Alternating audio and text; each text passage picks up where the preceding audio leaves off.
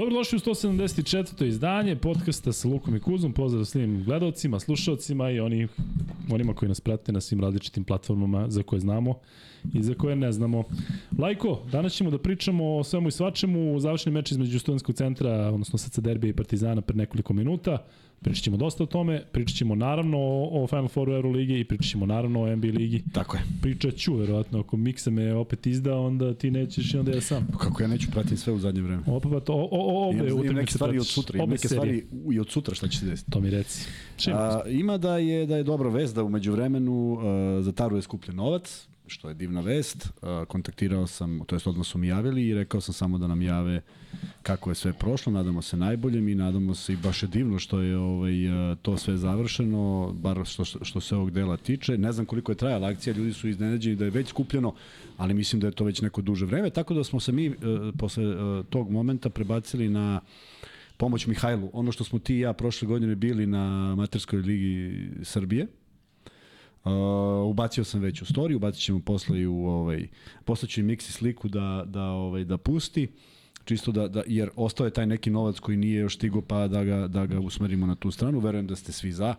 Rekao da ćemo porazgovarati o tome, ali mislim da je svoj toj deci svaka pomoć izuzetno dragocena i mislim da neće biti problema da preusmerimo na nekog drugog, u ovom slučaju Mihajla. To je bilo ovaj, u, u periodu u, u kojem nismo radili. Zašto juče nismo radili? Očekivali smo gosta, očekivali smo ga i danas. Nažalost, Saša Pavlović nije mogao da dođe, ali se onda nadamo da ćemo ga imati sledeće nedelje.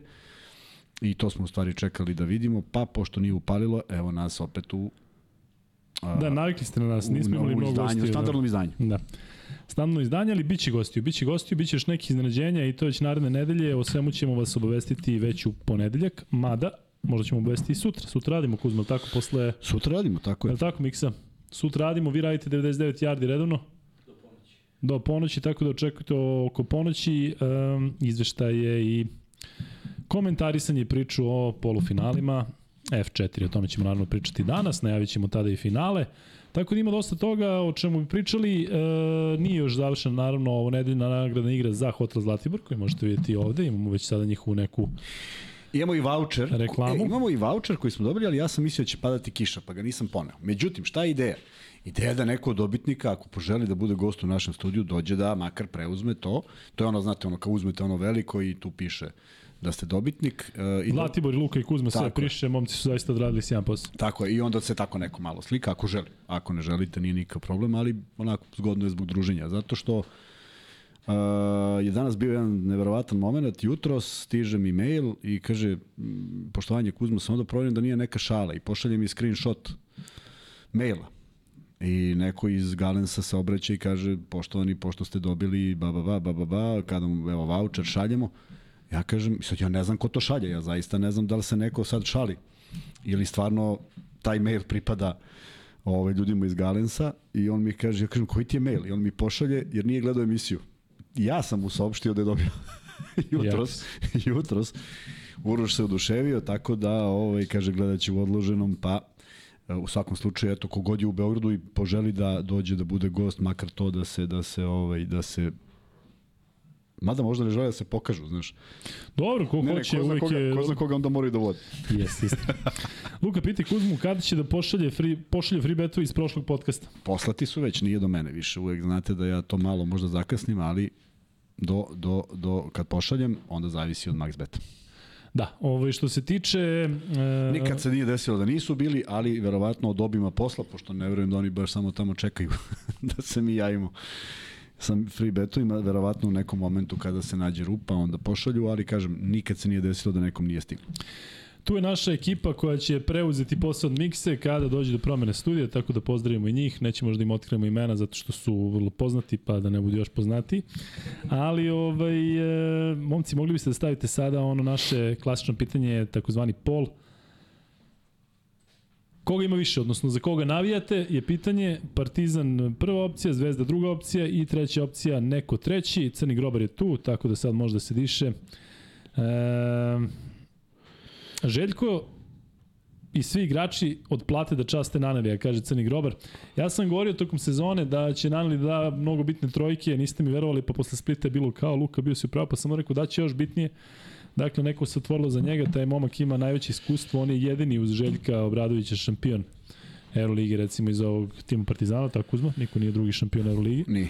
Tako da to su neke posebne stvari. Ali vidi samo, samo jednu stvar, gledali smo ovu završnicu, dakle, mnogo košarkaški potezi, onaj prethodni prodor preko istog tog igrača i lepo zavrtanje pod Kako? košem, nego što je ova trojka kroz, zaista yes. kroz ruke, tako da svaka čast na tom. dobije samopouzdanje sigurno svaka posle čast toga. na tom, da, šutu nije bio, nije, nije delovalo, suviše bio blizu, nije bio napravio fintu, dakle, stvarno majstorija i treba zaista istaći da je Naneli rešio nekoliko vrlo bitnih utakmica ove sezone i da ovaj da je to u stvari preokrenulo meč uh, s obzirom i još jedna stvar ja sam imao običaj da kažem da jedno možda bude iznenađenje. Ovo sad večera što je odigrao studentski centar za svaku pohvalu u smislu pripreme utakmice, u smislu konkurentnosti, u smislu čitanja nekih stvari, u smislu uh, fokusiranosti igrača ako mogu da nađem razlog zašto nije bilo još luđa završnica, ako si primetio, ti si bio u putu baš ovamo. Bila su dva napada gde je uh, studentski centar potrošio 20, 19 sekundi po napadu ni na šta.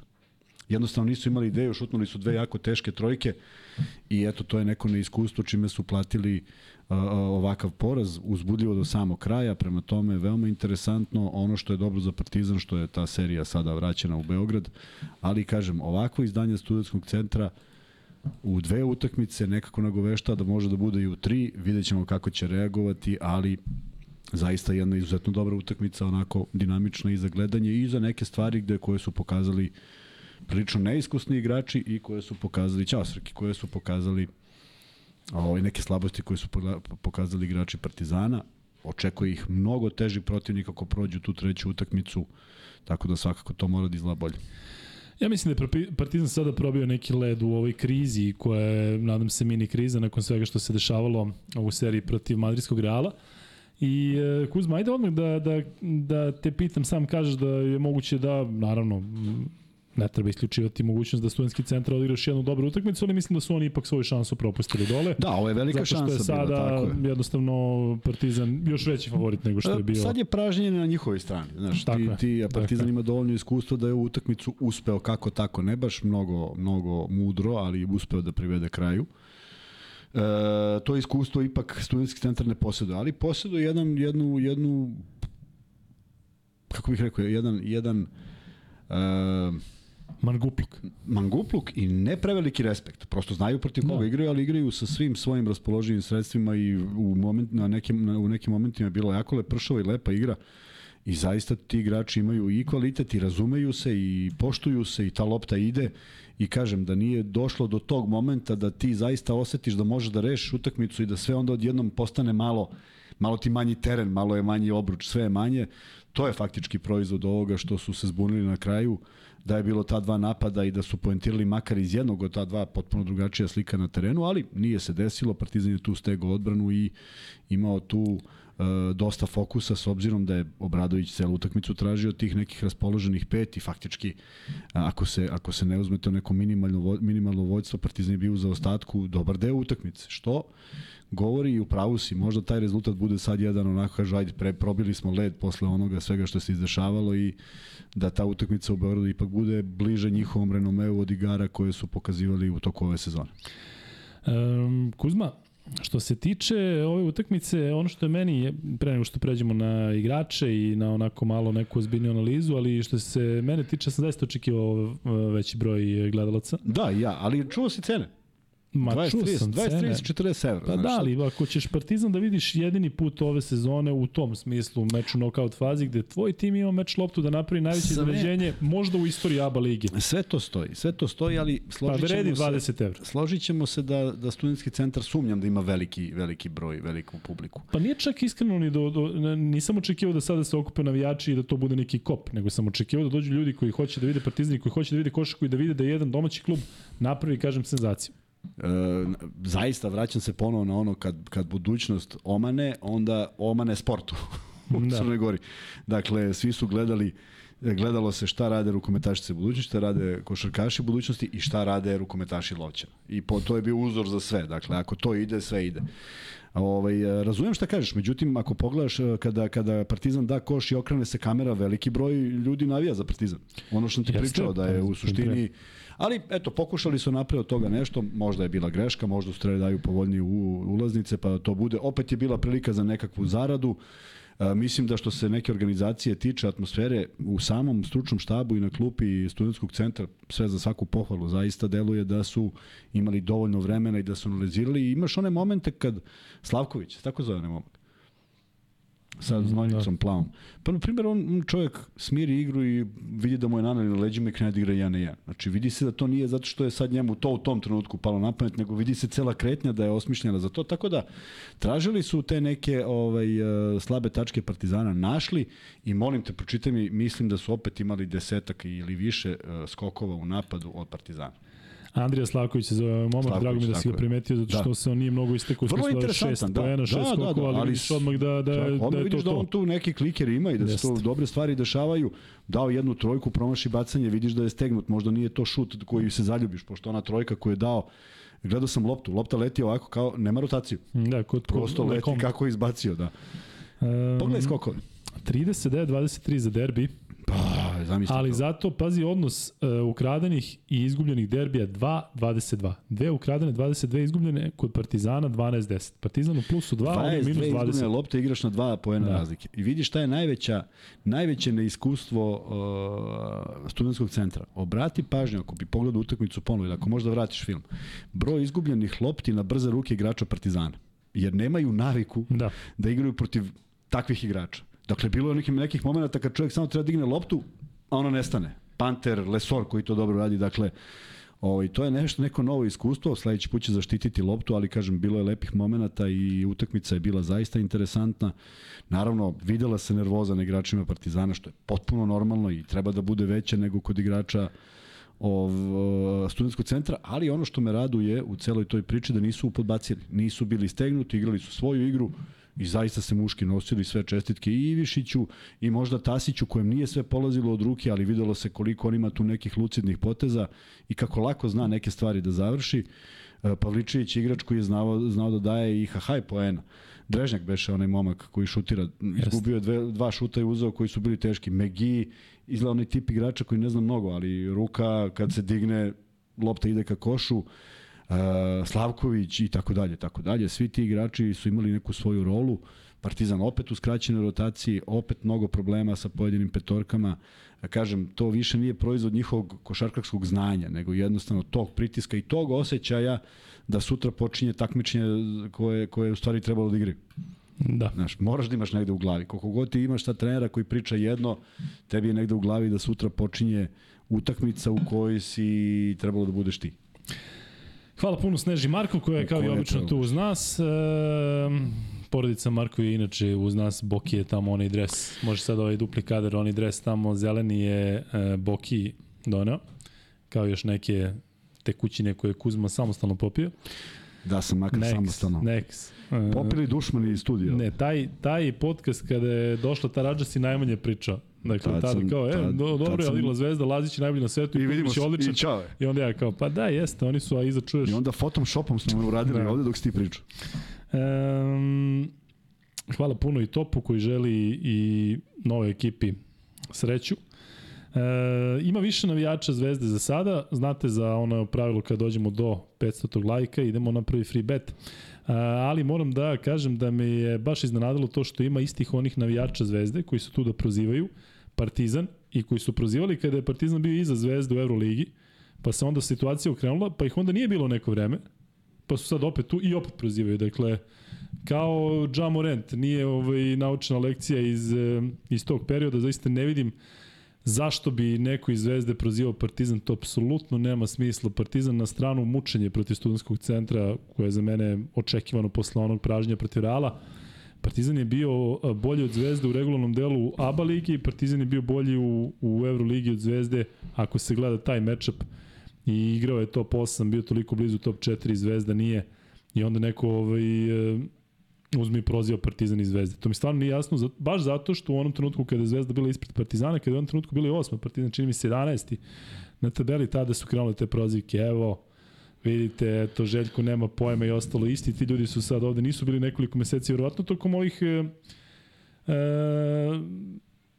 tokom ovog perioda kada je Partizan bio e, u top 8 ABA ligi, tako da hoću, Euroligi, tako da hoću da kažem, samo budite oprezni, nema potrebe za prozivkama, zato što ovaj, one znaju nekada da budu interesantne, ali eto, primjer radi kada je ovde bio Kada i su Osta duhovite, Milović. onda je fenomenalno. I tada je bilo na granici, bilo je i Da. da. duhovitih, bilo je i ozbiljnih prozivki, ali kažem, zaista ne vidim zašto bi neko to sad radio. Biće prilike na kraju sezone ako Zvezda dobedi, pobedi Partizan u ABA ligi. Iz ovog sada ugla Zvezda deluje zaista kao ekipa koja je u boljoj formi, kao ekipa koja ima definitivno bolji flow, koja je odmornija, koja je u treniranija. Tako da e, ja moram priznati da kao navijaču Partizana mi je e, bilo jako teško sada da gledam Partizan koji je bio na ivici ispadanja. Siguran sam da će Partizan dobiti tu majstoricu i kažem mislim da je studentski centar je propustio svoju šansu, ali sada iz ugla nekog objektivnog košarkaškog e, ljubitelja košarke zaista ne bih želeo da budem uskrićen za potencijalnih pet mečeva ili četiri čak tri u finalu ABA lige, zato što opet kažem, ako može neko da se seti sezone kada su Partizan i Zvezda imali jače timove i kada smo imali neko jače finale, neka, neka kaže. Dakle, ovo će za mene biti verovatno najkvalitetnija košarka u sve ostalo što će biti pored terena, ali ako Partizan dođe do finala ABA lige, ako Zvezda dođe, naravno da ne izbacujemo budućnost pre vremena, ja očekujem najbolju košarku i kada igram na novim prostorima između Zvezde i Partizana. Najiskrenije, tako da vidjet ćemo. Da, sad treba vidjeti reakciju utorak kako reaguje budućnost, treba vidjeti koliko, a mislim da su imali mnogo više vremena i u krajnjem slučaju mnogo manje nervoze od Partizana igrači Cedovita Olimpije.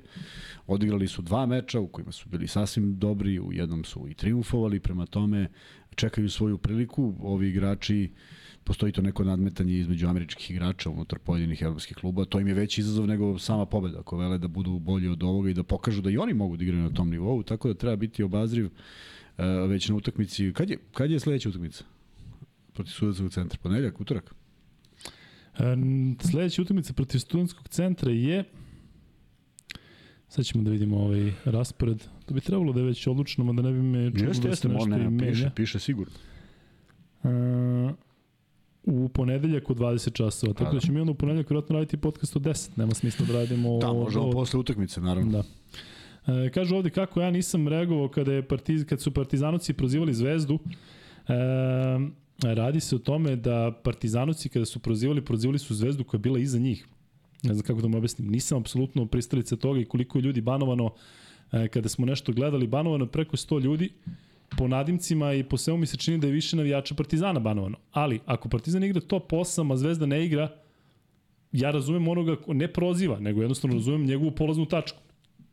Ako Partizan ima prednost domaćeg terena u ABA ligi i sad se ovde priče kako je ovo kante, kako je ovo, kako je ono, kako ne znam šta, zaista ovaj, e, to ne razumem. Kažem, razumem sada da na, navijači Denvera prozivaju Lakers ili da navijači Denvera prozivaju Phoenix. Ali ne vidim, ne vidim ovaj, koliko god Zvezda igra fenomenalno, Ali moram i da vam kažem jednu stvar, ovi momci koji su novi tu sa nama su vrlo laki na banovanju, tako da vi ovaj nastavite da... da Tako smo i birali, da, da, da, ko, je, ko da. najbrže ban. Da. Uh, dobro, to je to je neki deo folklora, pusti sad, ovaj nemoj da ne, mislim ne treba da obraćamo pažnju preterano, sve sve to ide u, u, u rok službe, ali ovaj uh, ja volim čak meni kad neko pošalje neku dobru foru na moj račun, ako je dobra fora, stvarno se nasmejem, nije problem. Ali ako je nešto glupo, onda se pitam kako je baš tako glupo. Da. Ali eto, tako sve funkcioniše, pa idemo dalje i idemo i s ovim dalje. Mm, e, hoćeš da pričamo, o čemu hoćeš da pričamo? Hajde da pričamo o studentskom centru malo o ovim momcima koji su to zaslužili. Ne bih još da ih odjavljam zato što će sigurno da, da i u Beogradu neki od njih da zasijaju, što bi se reklo, ali Kuzma, kako ti vidiš ove momke koji su, ajde da kažem, posebno skrenuli pažnju na sebe, evo kada pričate o čemu sam ja govorio ranije, bilo bi lepo da neko može da nađe to kada sam ja pričao braći Ivišić, možda posle meča studentskog centra kada su zajedno dali šest poena, Istekao sam tada Zvonimira, to sigurno niko neće naći, ali ja sam ovaj, pričao o njima kako su igrali i kako smo ih pratili na sport klubu na nekim mečima igrajući za reprezentaciju u mlađim kategorijama, ali zaista ovaj Zvonimir Ivišić se istekao u obe utakmice, evo i danas ima Jest. 12 pojena i 8 skokova.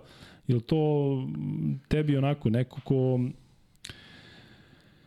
koji je ovde dobio vetar u leđa da možda nastavi sa još boljom karijerom. Zaista nisu, nažalost, studentski centar nije sredina gde ti možeš da se istakneš osim protiv velikih. Dakle, on kada odigra protiv, da ne podcenjam nikoga, ali kada odigra protiv MZT-a, to nema toliku težinu. Kada odigraš u knockout fazi uvek, protiv jednog uvek je tako, pa tima je iz je. to je, to je ipak I drugačije. tu, tu se pokazuje neka, neki kvalitet igrača i njegov karakter. Ako si ti najbolji na toj utakmici protiv posljednje plasiranog i briljiraš, onda dođe jedna utakmica i onda ti naravno ne postojiš, to nema neki smisao. I to se uvek gledalo. Ne možeš prosto da prevariš.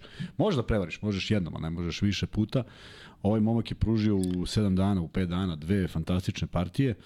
Ne znam koja mu je ideja, koja je budućnost, gde će ići, gde će šta, ali evo, sa ovog aspekta pogledam onako te neke, ajde da kažem, zato što ja za domaći igrače podrazumevam igrače sa ovog podneblja. Nikad nisam pravio neku veliku razliku ovaj, ko odakle dolazi, iz koje bivše republike, pošto mi je to delovalo uvek kao isti mentalitet.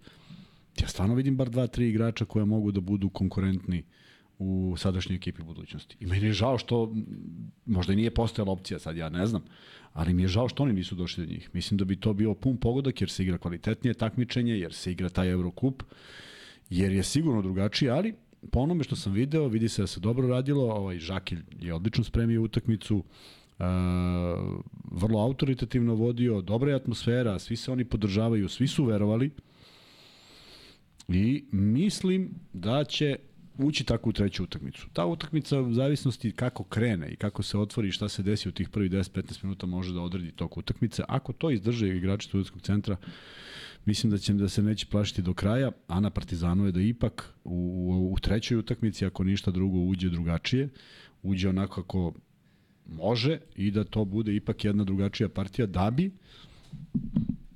relativno brzo od tog momenta čekali CDVita Olimpiju. E, koliko je ovo dobro iz ugla CDVita Olimpije? U, ovo je odlično. Dakle, oni nisu mogli da, za njih je je- jedino bolje da studentski centar pobedi Partizan zato što onda oni Da. potencijalno Da. vide sebe već u tako finalu. Je, tako je bilo i prošle godine Sa u Bursom, da, pa da, da. U, dobro je kao Jest. pa puf. Tako da ništa tu nije dobro kad imaš neku ekipu koja Ali kako hemiju. oni, kako oni sada treniraju? što postoje Za koga se spremaju oni? Dakle, Oni se, tre, oni se spremaju za Partizan. Oni se od prvog dana spremaju za Partizan, u to sam ubeđen. Nema ono sad kao... akcije, znaš, sve, tako. je. Dakle, oni sada kada skautiraju u ovaj meč, skautiraju Partizan. E, onda su, onda su videli taj Da. prvi meč i onda Pa su, rekli, rekli, o, da. o, čekaj, vidimo ko ovde igra. Pa, tako da, tako da, Čekajmo ovaj, ko je ovaj, da. čekaj, ko je ovaj? Ko je ova ekipa? Onda danas ima da pogledaju što šta, naravno u trećoj utakmici će takođe imati, ali a, s obzirom da se ovaj, serija vratila u Beograd, zaista je malo verovatno, jeste verovatno, jeste to košarka, ali nekako šanse prelaze potpuno logično na stranu Partizana. Ne treba tu sad Da. biti mnogo pametan. Međutim, kažem, oni se od prvog dana spremaju, pa evo samo poremetilo, ali im je odlično što Partizan igra tri utakmice.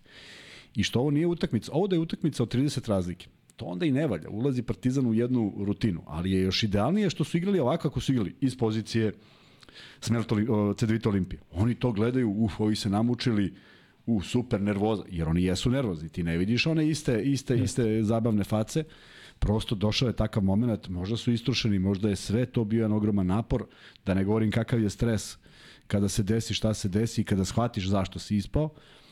Ovaj, tako da je sad ta lopta, koliko god se igralo u Beogradu, moment iznenađenja, jer ako se desilo iznenađenje studentskog centra, što u glavama CDVita Olimpije, igrača CDVita Olimpije, što se ne bi desilo još jedno.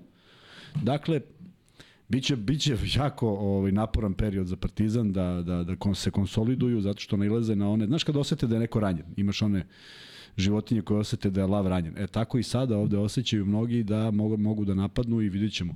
Imaju potencijal, ja koliko sam pratio ono sve, svi su zdravi. E, U prvoj utakmici je bilo ozbiljnih problema, Partizan da ide na varijantu, da odigra prvu, pa nonšalantno drugu ne može, jer, jer njima je još manje potrebna šesta utakmica u 20 dana. Tako da i tu mora da gledaju da ako mogu oni završe dve utakmice, a sav fokus iznenađenja je u prvoj utakmici kada se igra na seriju od dve dobijene.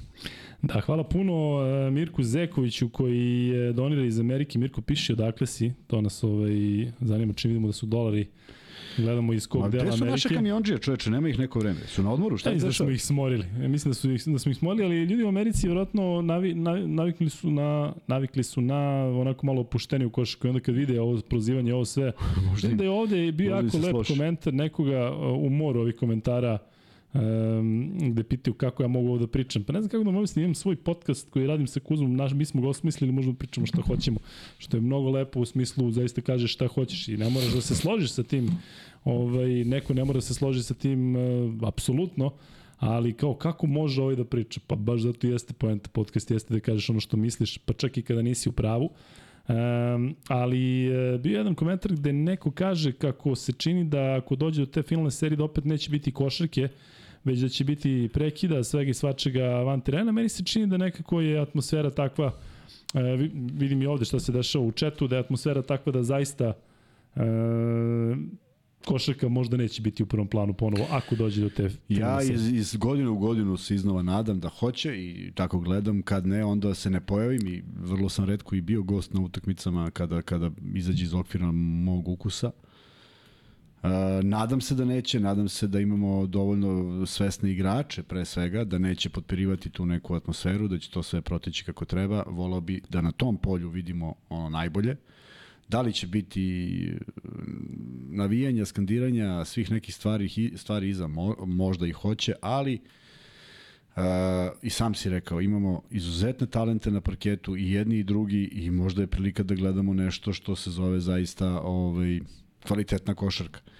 Partizan u top 8, Zvezda dva koraka ispod, to su neki rezultati koji garantuju dobru košarku. Da li će biti, ja bih voleo, uvek volim da bude dobra košarka i dok sam igrao, voleo sam da bude dobra košarka i sve ono što se dešavalo i padalo na parket i sve što su pričali, vikali, to sve je deo folklora, prihvatiš. Koliko različito tada i sad? U smislu, tada si igrao, sada sve vidiš van terena. Čini mi se da smo tada imali mnogo više ozbiljnih incidenata u smislu da navijači se u dvorani sukobe, sada naravno i nema suprotnih navijača, odnosno nema drugih navijača, ali videli smo tokom Euroligije da je bilo. Fantastična srećna okolnost, da nije bilo mogućnosti da neko preko mreže priča o ovome. Da. sve se svodilo... Misliš ovo što mi sada omogućavamo, da? Sve se svodilo na dvoranu i tamo dođeš i izbaciš sve iz sebe i ko je pobedio. Nije prijatno kada, kada čuješ te zvižduke, kada, kada vidiš jednu, jedno jedno ludilo, ali koliko, koliko ti je neverovatno, toliko ti daje neki adrenalin da igraš još bolje. A tvoja utakmica, jedna od utakmica karijere, bar u periodu BFC, je bila ta prva u Partizanu, prvo protiv Partizanu u Beogradu, tako druga. da si druga, kad si dao 28 poena, ali te to uh, nisam, sa tribina... Ništa, ništa, ništa ja to nisam primetio. Ništa uopšte obraćao pažnju. Nešto sam ja neki mag, nego prosto igrao sam košarku. Ali ili ima oni koji to može da pokrene? Koji se zanimate ima, pa sad? Ima, ima. E, pa znaš kako te pokrene? Prvo pokrenete, znaš šta te, pokreću te tvoji navijači kad čuješ huk da. i potre, pokreće te kad ti izvizneš trojku koju niko nije očekivao i ne čuješ ništa. Znaš, utišu se. Da. utišu sve. Tako da to dvojako po, pokreće.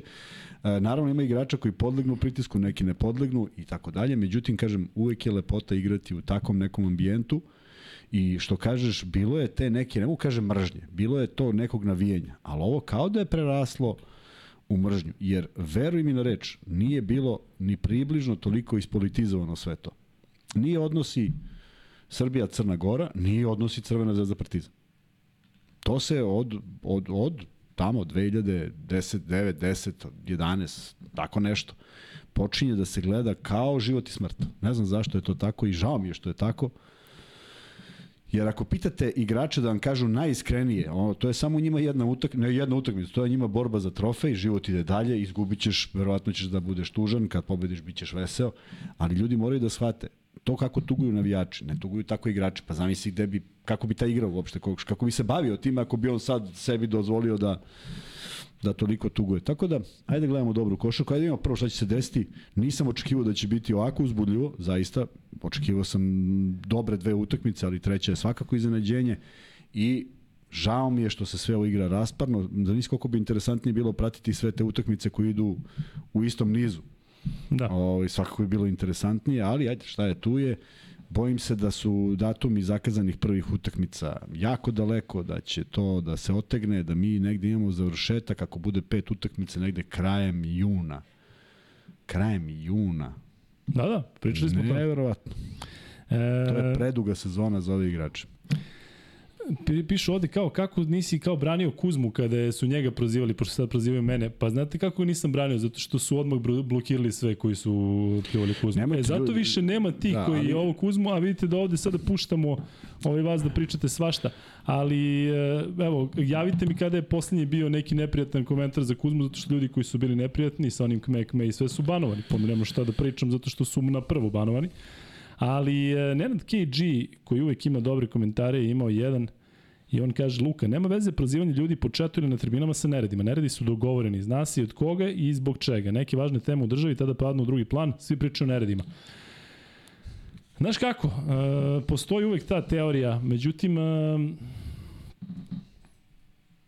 šta znam, iskreno e, mislim da, da ako toga ima, da možda ima malo, da se malo samo potpale stvari, ali Viš recimo kako je ovde kod nas u podcastu koliko je bilo prozivanja i sa jedne i sa druge strane, pa niko siguran sam ne gura, ne gura da, da ljudi pišu takve stvari da bi, da bi ne znam šta drugo pokrio. Mislim da su ljudi prilično, prilično nervozni generalno, što je potpuno opravdano zbog uh, cele situacije u zemlji i, i lično i na, drž, na nivou zemlje zaista ima dosta dosta loših vesti, Tako dosta je. svega i svačega. Sa ovim tragedijama da koje bude... su nas zadesile, Dakle, trebalo bi da bude da e, sport bude neka vrsta da se ljudi iskale u smislu negativne energije, ali ne tako što će neko da prebiješ i neko da povodiš flašom, nego jednostavno da ideš da se izvičeš i da se ako treba tu iznerviraš, ali ne kažem upreno prema nekom drugom, nego jednostavno da Znam, to bude ta ali, energija koju ali, trošiš. Ja, ja nisam igrao u ne znam kojim svetskim zemljama, verovatno je drugačije u tim košarkaškim, ali ima jedan primer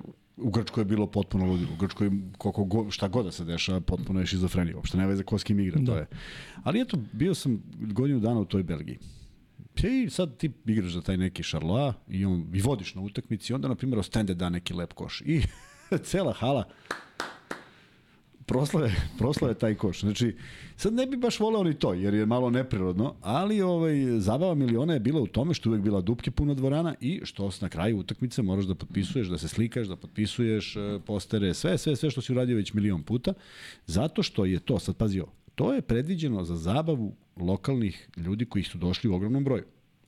I imaš uh, bar, bar, bar, VIP restoran i oni ostaju tu do 4 ujutru. Da. To se ne zatvara. To je provod. To je zabava. On je došao gleda utakmicu. Znaš koliko ga zanima u njegovoj zabavi? Da li je ovaj pobedio ili izgubio? Mislim, srećom bili smo ekipa koja je manje više sve pobedila. Ali hoću ti kažem, potpuno je u drugom planu. To je socijalizacija, druženje i, i onda dođeš ujutru u nedelju i zatekneš sve automobile svih tih ljudi i dalje na parkingu, jer su svi naravno logično otišli taksijem. I onda se oni u nedelju polako popodne vraćaju po kola i počinje nova nedelja. Tako da ne bih voleo ni to. Ali da. ima smisla da bude zabava.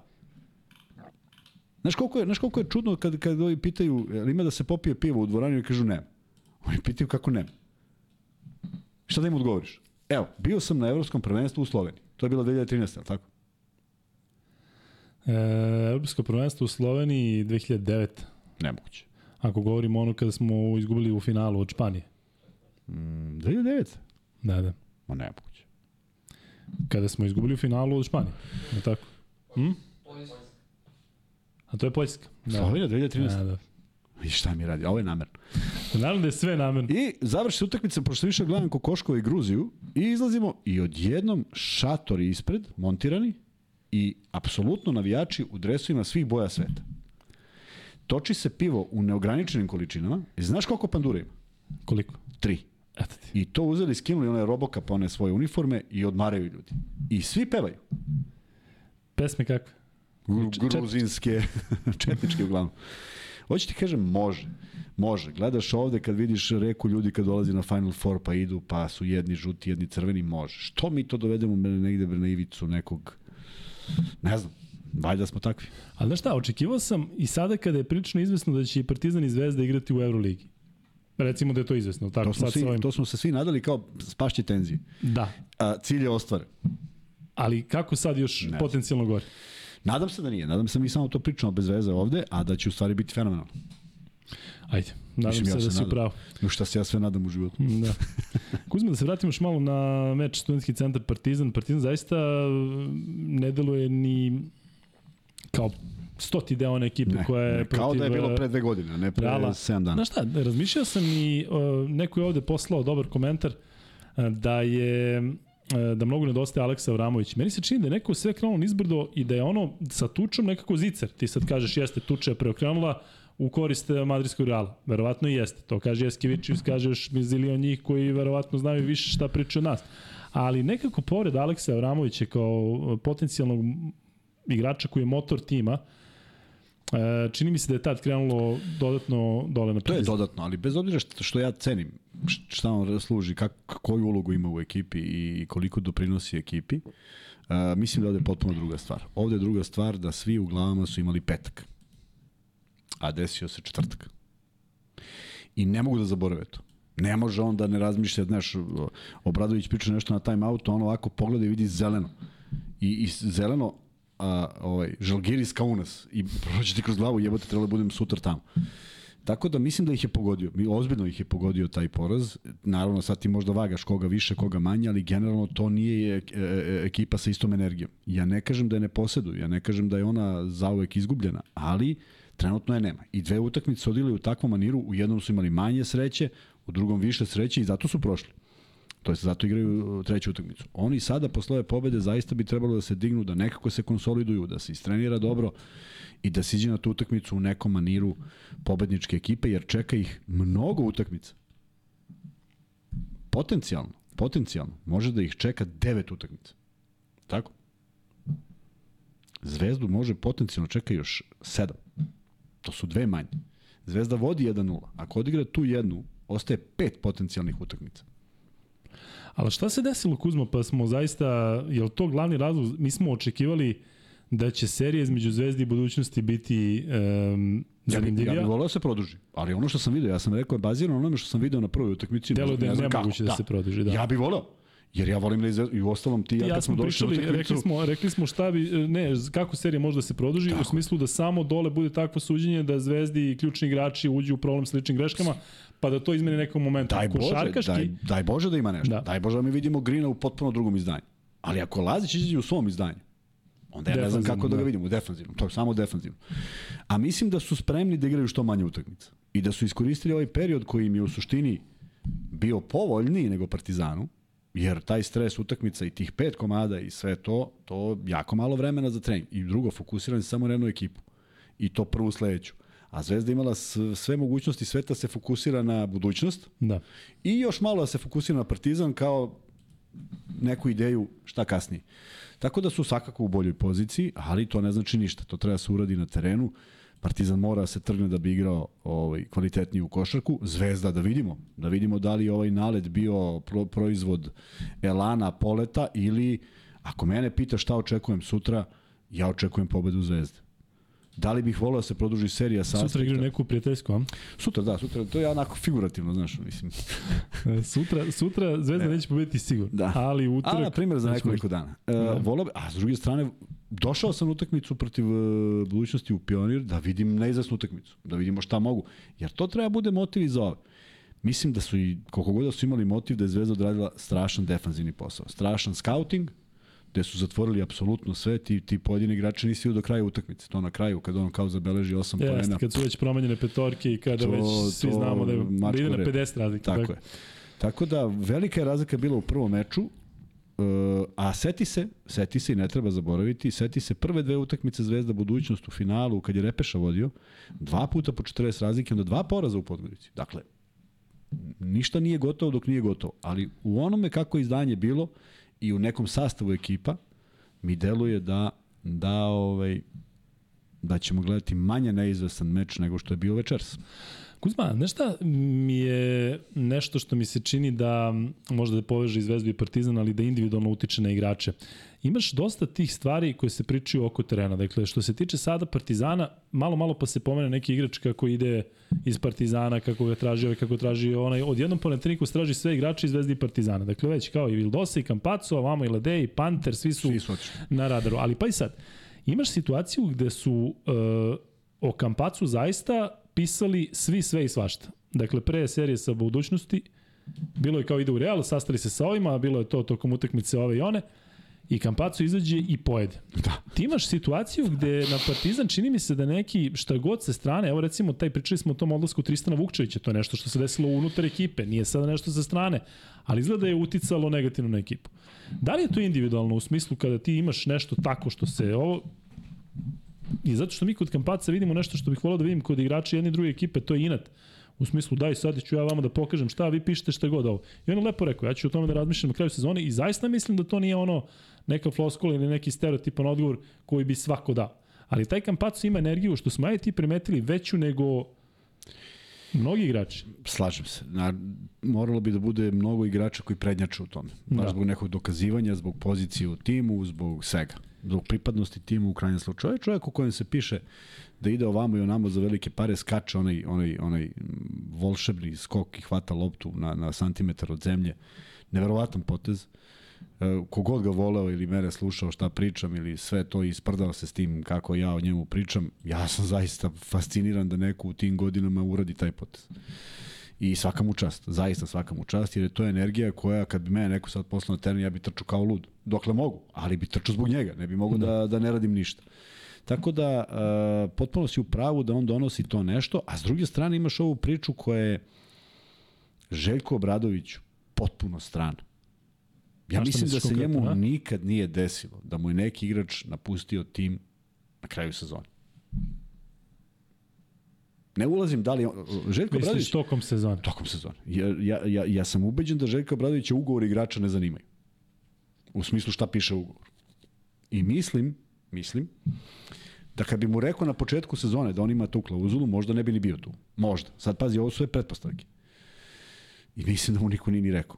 I mislim da je bio prilično iznenađen kad je to saznao. Da, ali nekako ne deluje kad on kaže da je dobio dozvolu kluba, Dozvolu kluba. pa da, ali ja mislim da je ipak potpisao? Partizan, je da je Partizan tako funkcioniše da ne šta mogu uradi? takve stvari da se rade bez uradi? Željka. Evo ja ovako, evo ovako. Ja i ti smo, ti si predsednik kluba, ja i ti smo potpisali ugovor.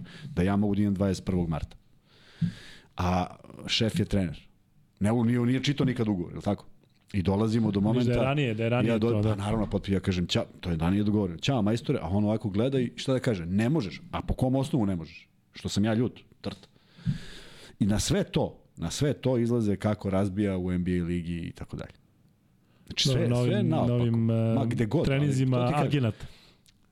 Na svim tim trenizima su prolazili svi. Si, Pustimo i agenate, jedan agenat ili nešto. gledao baš sam igra. vesti o Simaniću, a potpuno su bile suprotne. Tako da to, e, međutim, ja mislim da je Tristan u glavi NBA. I mislim da kad negde ga neko bude pitao u memoarima za jedno 25 godina kao kako je to bilo, on će kaže imao sam, imao sam propuštenu sezonu u Partizanu. znači, to je taj, to je taj mentalni sklop. Da. Ja mislim da neko ko izgleda kao on, pomisli da je njegovo mesto u NBA. Ok, možda jeste. Ali koristi ovo što si tu. I u ostalom, odakle ideja da neko se to dogovori? Znaš kako su dogovorili? Pa vidi, verovatno nećete proći u top 8. verovatno će početi već ovaj... Znaš ono, sistem eliminacije. Ja ne volim to i protiv toga sam. I nikada ne bi radio u klubu da imam saigrača jer ne bi razgovarao s njim u krajnjem slučaju. Mi ne bi bio saj, ne bi bio prijatelj. Kako sad, zamisli kao ono finale, pa kada se desio incident, kad smo mi ostali u budućnosti Milenka Topića, pa mi svi tužni kod da se nama desilo. Pa zato što igraš bez jednog od najbitnijih u seriji protiv Partizana. A zamisli još da ti dođe i kaže, e, odo ja na workout. A mi kažemo, to, samo ti cepe, mi ćemo sami ovde. Bez veze. I na sve to imaš još treću onu varijantu gde Partizan igra. Sad zamisli to igrači koji sigurno dođu do tih informacija, on treba sad nekog pogleda i kao, o čemu se radi ovde? Stvarno pregršt dezinformacija, loših vesti, svega Nemoj i nam svačega. sponzore dirati. Nemoj sad kad smo... Ček, ček, ček. Sad kad smo sve Ne, daj ovaj dogovorili. kadar, da. daj ovaj kadar da ga vratim da nema refleksiju. Viš, ja kažem, a šef odmah pritisne. Svi ti to? Šef je opasan. Šef banuje ovde kako hoće. Šefe, nemoj da banuješ, ovde se ljute Ovde- kako idu na time out. Ni koliko, koliko treba time out. Dve godine, dve godine taj malo. Ne, ali time out prvo nešto je kraće, pa onda nešto duže. Tako, koliko je to kraće? 5 minuta, 5 minuta. 5 minuta. Evo ga miksa. Ovaj, I posle toga kada se banuje koliko onda traje? Za uvek. to više ne Da, vraća. ali možemo da ih odbanujemo, tako? Može, može. Da. Ima onaj, znaš, ono, izvinite, a, mi, a šef, Da. sad će meni izviniti. E, ljudi, moja ideja je bila da ovaj da sve Da odbanujemo. banujemo sve. Ne, nego da odbanujemo sve ili da banujemo sve, ali ovaj gledat ćemo da odbanujemo sve pred početak ove serije, ne zato što hoćemo da ovde gori, nego zato što zaista hoćemo ljudima da damo šansu ako su eventualno nešto rekli u u afektu, kao što svi mi upadnemo u neko stanje, ja opet se vraćam na onog momka koji je imao neki nadimak studiju ili već kako, dakle, ja sam govorio o tome kako ćemo mi sigurno da prođemo Italiju. I onda sam, ovaj, kad smo ispali od Italije, on je ovde bio toliko aktivan, eto ti Luka sad, pa proziva, eto, što si rekao juče, ali te sad ovo, bleneš u taj ekran, ne znam šta, i, ovaj, i nismo ga banovali, i sutra, pošto smo radili svaki dan, javlja se i kaže, Luka, izvini, juče sam ovo ono, i ne znam da li je tu momak i dalje, mislim da ga posle toga nisam video, možda je panovan za stalno, ali ovaj, generalno, kažem, dajte bre ljudi da, da neku pozitivnu energiju guramo. Ovo ste sada shvatili, shvatili ovaj, pogrešno, u smislu ja sam rekao da zaista ne treba da bude prozivanja zato što ste se već jednom opekli iz ugla uh, onih koji naviju za crvenu zvezdu, dakle, nema potrebe da bude tih prozivanja, možda na kraju, kada Zvezda ili Partizan dobiju, udrite onda i sve snage, ali naravno u granicama normalnog. Ali e, videli smo koliko oscilacije jedan i drugi tim imaju ove sezone. Dakle, to je nešto, ja ne mogu čak ni da zapamtim ekipu koja je toliko oscilirala u Euroligi, osim možda Fene Bakče koji je počeo sa onim silnim pobedama, pa posle pao. Pa evo danas i gledam protiv Alijage. Nije, nije Partizan imao oscilacije. Nemoj, od 4-9 se nisu desile oscilacije. Oscilacija je ovo je prva oscilacija. Ne, bilo je 4-9. Bilo, je, bilo je 0-3, pa je bilo 3-3. Ok, ali to je, pa je počet, bilo... ne, ne, to, to računamo u početak sezone. To su boljke. Znači 0-3, 3-3, ti vidiš da to sad ide, pa onda ide minus, minus veliki. I onda i plus jednom, i sada minus. Pa sad je minus specifičan. Jeste, ali sve jedno, I, zvezda, nije sezona i Zvezda tako. ima rupu od tri utakmice. Svega tri utakmice. Ne računam prvi deo. Duško Ivanović ima 17-11, ako se ja dobro sećam, ili 16-11 tu su tri utakmice, one ključne yes. koju uzedu. Znači sve posle toga. Ali iz ugla igrača koji su bili na početku sezone, oni razmišljaju, mi smo počeli 1-6, 1-7, koliko je bilo. Tak. Pa onda idemo iz ugla igrača, da. Ali pa onda ključne utakmice imamo. Sad smo se opet podigli. Ali kocke su se poklopile. Ovde je efekat poraza od Reala. Ne zato što su oni sad nešto zaboravili da igraju ili ne znam šta, nego jednostavno to postoji negde. Koliko je, može da traje taj efekt i da li je moguće oporaviti? Ja mislim da, pa vidi, profesionalci moraju da se oporave, ne možeš da, da ovaj, ne može večito i večno, ali e, vrlo je bitno da ova pobeda i kažu, ok, izvukli smo se. Ovaj jedan je strovalio 20 i nešto, ovaj drugi 20 i nešto, tako, po 24, 23. Da ajmo sada da im pomognemo, ajmo sada da se vratimo, ajmo sada da uđemo da treniramo, ajmo sada da se manje nerviramo. Svi su opet bili nervozni, jer, jer si nervozan što si već, što znaš da postoji možda još jedna utakmica. Ej, a u frci si da ne bude i poslednja. Tako da treba vidjeti reakciju Partizana, mislim da će Obradović učiniti sve da se to desi i treba vidjeti reakciju i neko drugačije izdanje, jer im je preko potrebno drugačije izdanje pred, sme, pred o, kažem još jednom smelt Olimpiju, jebeš i metar, pred CDVitu. Olimpiju iz Zagreba. Cedevita. E, Belgija pita da li je Vujošović još u srce derbiju. Ja iskreno mislim da jeste, ali ga nema tu pored terena.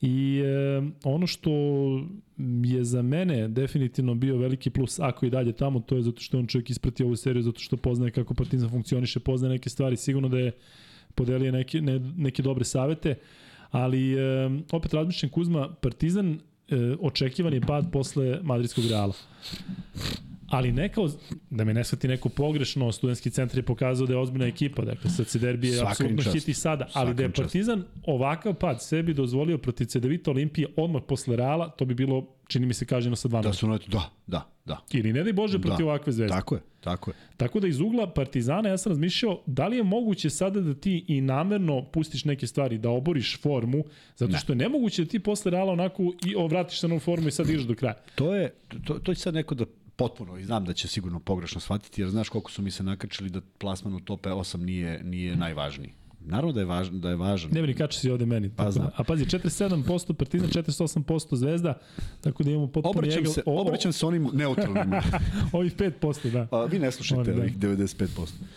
A, Nakačili su ti se kada kažem, kada kažem da je da je da da da da je da je nije, ne mu kažem nije važno, ne meri se. Fenomenalno, ušao si. Odnosi ogroman, ogroman komad svega, forme, fokusa, snage, svega. Sa vrlo neizvesnim ishodom, koji se ispostavio kao neizvestan. Zamisli da jesu stvarno odigrana prva dva kola i da je krenulo polufinale. Ili da je sistem takmičenja kao Stari. prošle godine. Stari. To je, to je gotovo. Šta si onda uradio u sezoni? Ali ako vremenski recimo imaš više vremena da se oporiš, u smislu sada mora da se odigrani i da sada Partizan između Reala i potencijalno CDVita Olimpije u polufinalu ima 12 do 15 dana. Je to onda okej? Okay? To je onda vrlo... Ili moraš, ne. moraš da ovako prođeš negde na utakmicama da te neko na živo vrati u realnost, ne pa da se oporiš. Ne znam, sve to zavisi, ali svakako da na ruku im nije išao raspored koji je pomeren toliko puta, da više verovatno nije mogao da bude pomeren, ali kažem da, da su to normalne okolnosti, jer one su već nenormalne što ti imaš nekoliko pikova u sezoni. Da. Pa ne možeš budeš spreman za svaki pik. To je jako teško da će svako biti u formi kada, kada zatreba. E, nema čak vremena ni za to obaranje forme. Sad u sledećoj utakmici ima 3-4 dana. Ne može Bata Zimunjić sad ne znam šta da uradi. Sve iako je pokušao. Možda jeste pokušao, možda jeste malo jači treninzi bili. Možda se očekivalo od nekih igrača e, veći učinak. Možda u, nedosta, u, u, u, toj, u toj konstelaciji odnosa činjenica da nema Tristana Vukčevića pravi još veći problem, Da. jer taj Smajlagić se požalio na povredu. Jeste, jeste. Možda je čovjek igrao On pod bi nekom... bio ta opcija koja bi ga zamenio. čovjek imao, pazi tamo, Ivišić i neki konkurenti kojima možeš da pariraš, je tako? Jeste. Pa što ne parirao? Tako da sve se, sve se nekako desilo i vidjet ćemo sledeću utakmicu kakva će biti reakcija. Ako to bude Partizan koji je prebrodio krizu, onda znači da će igrati mnogo drugačije protiv CDVita. Šta ti očekuješ u toj trećoj utakmici? Imaćemo još podcast, o, u Vidi, stvari, ja imaćemo sam- podcast sutra. Ja sam očekivao da će studentski centar da poklekne, ali nije. Očekivao sam da će izgore. Očekivao sam da ona dva napada koja su dešavala u posljednjih minut i po, da će mnogo ranije krenuti, ali nisu. Dakle, de, momci su spremni. I sviđa mi se što imaju taj neki stav i baš ih briga. I igraju svoju igru i sve to lepo izgleda.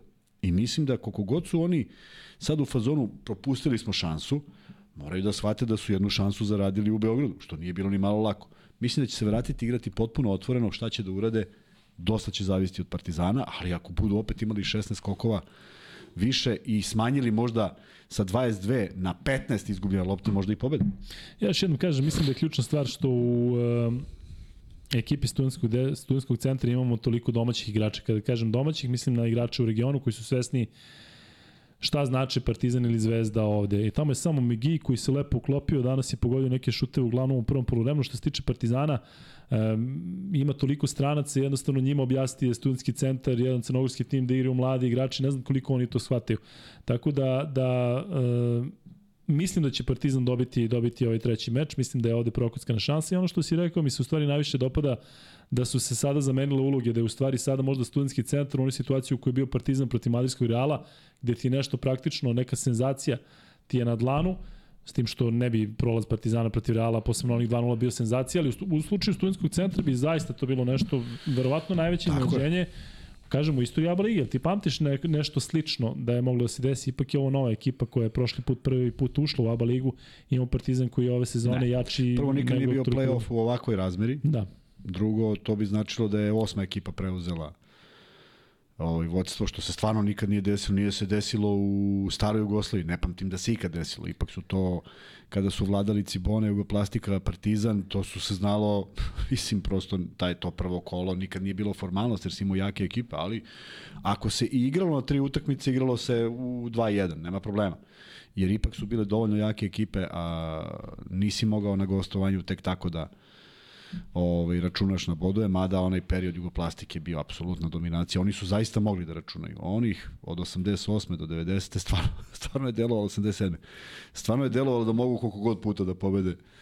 Pobedit će, ovaj, tako da e, bilo bi velika senzacija dešavaju se u sportu, ne bi bilo nikako zgodno za Partizan da se desi u ovom trenutku, jer je to onda potpuna suprotnost svega u samo 10 dana. Znači od nekog tamo trona do, do, do, do, do, do ne mogu da uopšte, ne, ne, ne želim da zamislim.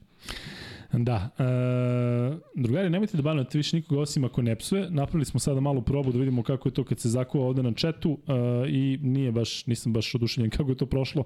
Mislim da će biti e, ludilo e, i nema problema ako u ovom slučaju nas e, napadate, u ovom slučaju mene, nije problem, ali kad vidim da između sebe imate problem i da se prozivate, evo neko malo pre napisao ovde porodična atmosfera, uglavnom jeste tako da kažem sve što je u, u nekoj zoni, odnosno u nekim granicama podnošljivog neka ostane i ajde kažem da svi gradimo neku bolju atmosferu, vidite šta se dešava i politički, šta se dešava i što se tiče sporta, pa svi, većina tih igrača koji budu jedni naspram druge, sad će neko da kaže po Partizanu nema toliko domaćih igrača, ali ti ljudi će neki igrati zajedno za reprezentaciju na, na narodnom svetskom prvenstvu i kažem, meni iskreno toliko sam se nadao da će Partizan ući u top 4 i toliko želim i da jedan i drugi klub naprave nešto u Euroligi. Skeptičan sam kako će izgledati ova finalna serija ako je bude, ali mogu vam reći da je ipak osjećam neki mir kada pratim Jokaru protiv Denvera, da je to ta najčistija emocija u smislu Znaš, ne mrzim zaista nikoga, niti tamo neko mrzi nekoga. Dakle, znaš, poštujem apsolutno Lakers-e, a toliko navijam za, Ali za Denver. tako je, su postavljene stvari, tako stvari funkcionišu. Ne možemo kažemo od uvek, znaš. Nije od uvek stvari funkcionisale da su e, crni NBA igrači bili omiljeni, nego su bili, dali, im, dali su im da igraju Da. u ono vreme kad nisu baš imali neka, neka velika prava i bila materska liga i sve to. Ali dizalo se to ovaj, godinama, podizalo i napravljeno je tako da imaš tamo, imaš i tamo neke incidente koji su zaista sporadični, ali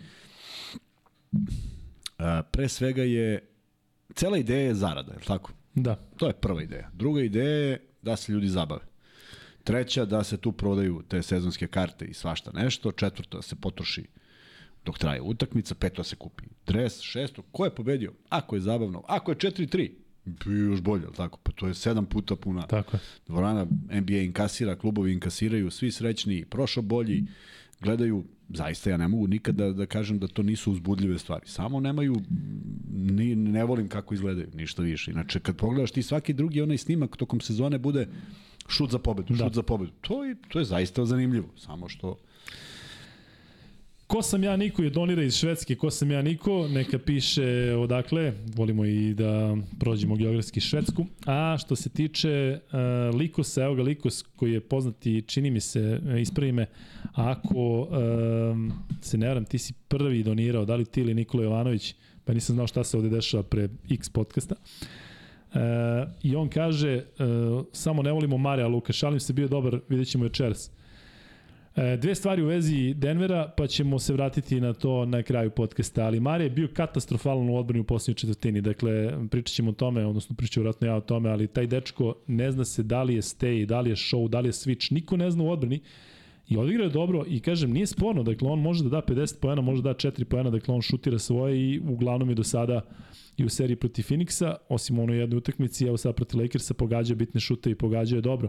Međutim, e, ono što meni smeta to je što on zaista ponekada igra individualno, iako ste čuli izjavu Nikola Jokića na kraju meča, on je rekao igramo dobro, odbrana škripi i ne smemo da igramo individualno zato što tada ulazimo u loše serije. Tu sigurno nije Jokić taj koji igra individualno, već ja ne vidim ko može da bude drugi, bude drugi osim Mareja i Portera. Porter, čija selekcija šuta skandalozna i što je najgaro, on pogađa. Dakle, oni naskoci onako u stranu i kažem čovjek uzme i pogadi nekoliko šuteva takvi preko ruke, ali radujem se ovoj seriji i nadam se da će biti sedam mečeva i nadam se da će Denver dobiti i iskreno gledajući istok i Boston i Miami, um, ako uzmemo u obzir iskustvo, ako uzmemo u obzir uh, celokupnu situaciju, mislim da će ove sezone definitivno zapad uh, dobiti, odnosno dati prvaka i nadam se, nadam se da se svi ovde nadamo isto da će to biti Denver. E, Kuzma, nećemo se više vraćati na studentski centar i Partizan što se tiče ove utakmice, ali redi da kažemo da Exum danas odigrao jako dobro, dao 24 pojena, da je Nanli dao 23, da. Nešto se dešava sa Lesorom. Ima nekoliko igrača koji su u ozbiljnoj krizi u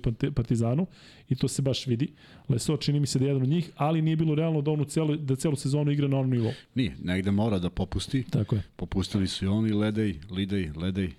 Lede je propustio baš i to i, i prvu utakmicu odigrao katastrofa. Andjušića, par poena, bam, bam, bam, onda opet Neću ništa da znam, brci bam bam bam, neću ništa da Neću znam. ništa da znam, Papa Petru i Papa Nikolau, puf, opet su van, van svega. Madar počinje utakmicu. Papa Petru je prener- kriminalac na Papa terenu. Petru prenervozan, Neverovatno.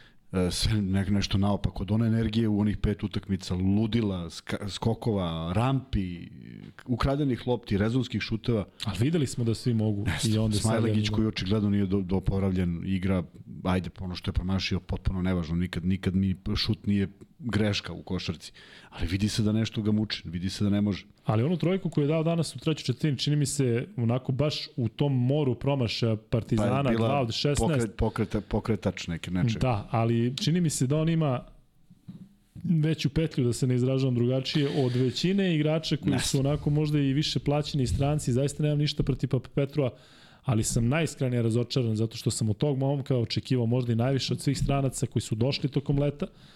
Tako da, ne znam, zaista, nekako sam kod nekih razmišljao, ako sada je završena Euroliga, ovo je sada prilika da se dokažu, međutim ni to ne vidim. Exum je neko ko je možda i najstandardniji od početka sezone, Naneli neko ko oscilira, ali eto ga, poja- pojavio se na nekim Ali je utakmicama. pogodio, da. Boga Jeste. mi, kad god je trebalo, nekako mi deluje da je pogodio. Šta Bilo se onih- dešava Kuzma u glavi Kevina Pantera Ne znam. posle svega A, što mislim se, da u se smislu dešava. ono, da li misliš da mu sada Da, da ga sad stiže ono Stiže. možda sam ja za Kenja pa onom to, točno kad to sam odgovorio. on, on mora da ima to u glavi.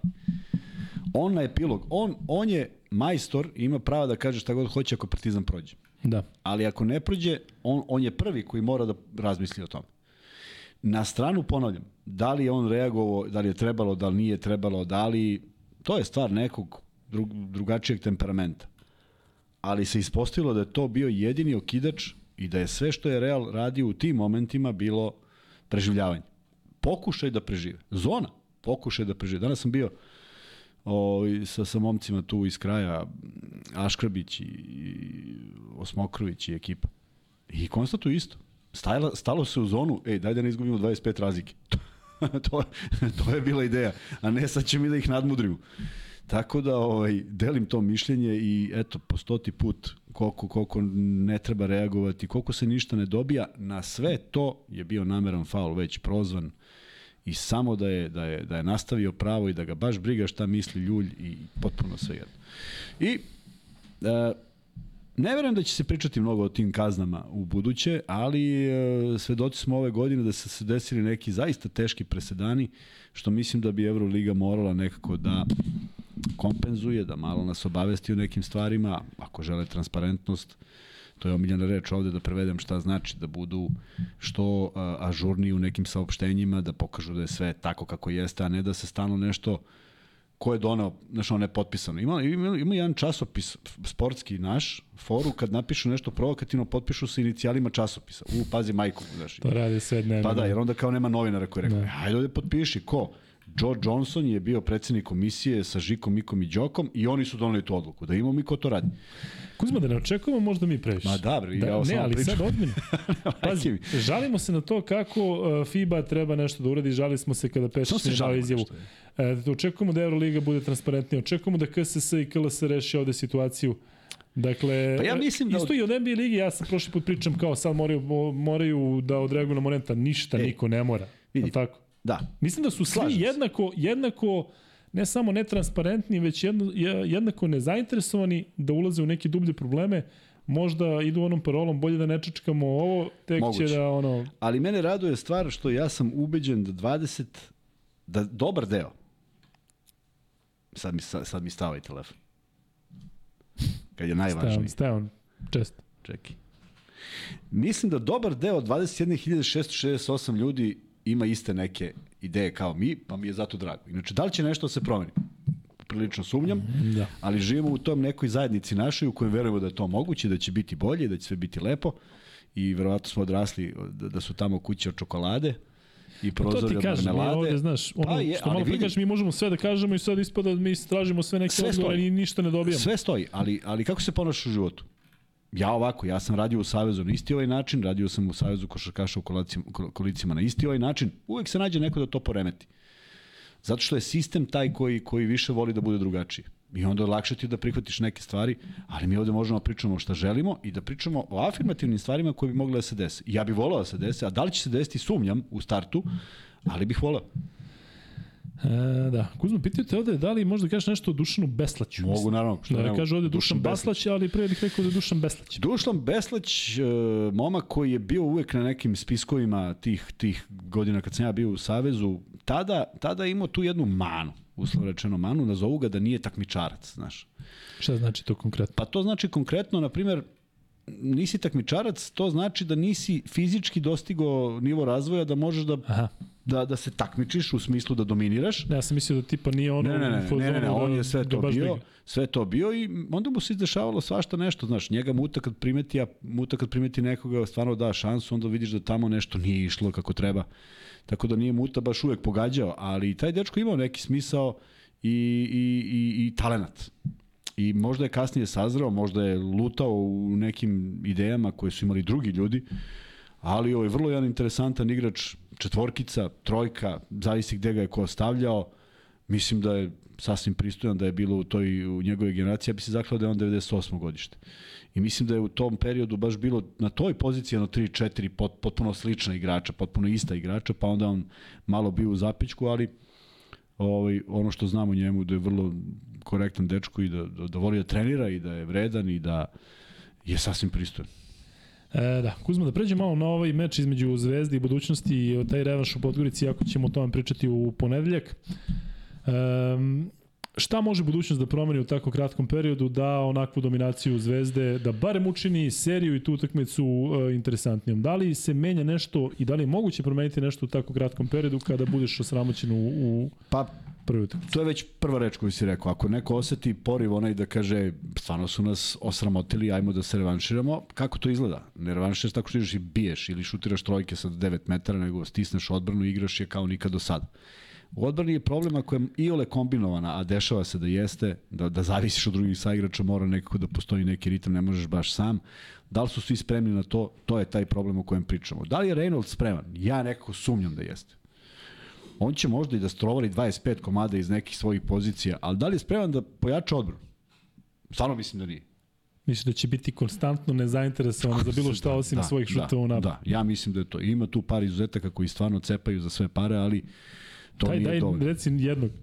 Pa mislim da je Petar Popović dečko koji, ja sam kažem jadan, ne, ne mislim jadan, nego on čovjek uvek gine. Gine koliko zna i koliko Valjda može. Jagodić Kuriđa za koga se Kure, nadamo da jeste, Kuriđa koji stvarno ne prepušta ima, ni da ne grešimo dušu, Tako je, zaista ima kažem ja. i što je najgore, to su uglavnom domaći igrači. Ja bih volao među ovim strancima da Bel pronađem Hayes se trudi, ali, ali on prosto, Trudi se. znaš, ne, ne deluje mi kao neko ko tačno zna šta Pa i se Alfa dešava. Kaba se trudi, ali... Pa ali su više neža, ne možeš ti da Jeste. ti neko, da te neko ubacuje ispod koša, ubacuje ispod koša, a ti igraš na, od, na odbitak. Dakle, moraš da odgovoriš istom merom.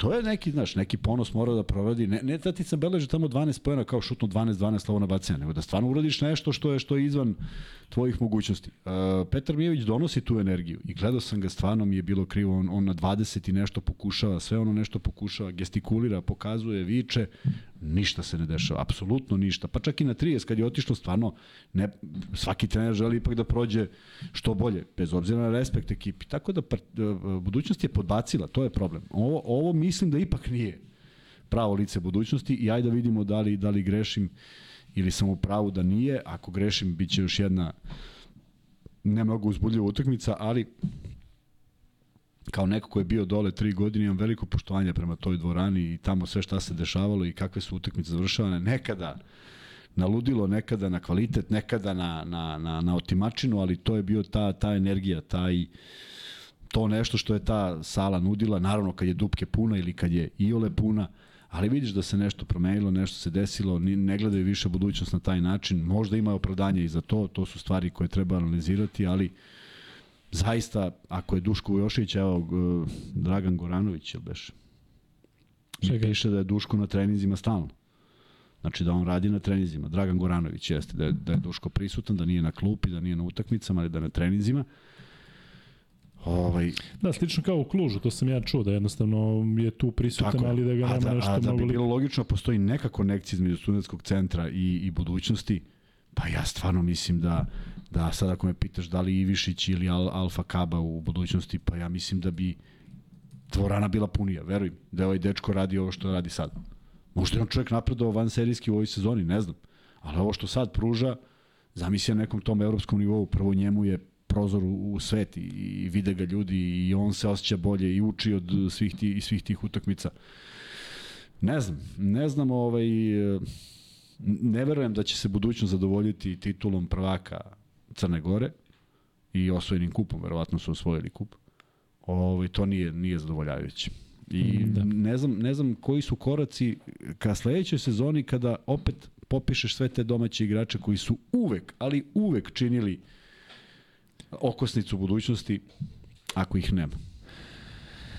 E, pitao da li će se Tristan vraćati u Beograd, ja iskreno ne verujem, e, možda ovako turistički ili da nešto vidi. E, evo ga Mirko Zeković kaže, živim u Chicagu, Illinois, a trenutno sam vam šaljem pozdrav iz New Orleans sa Louisiane.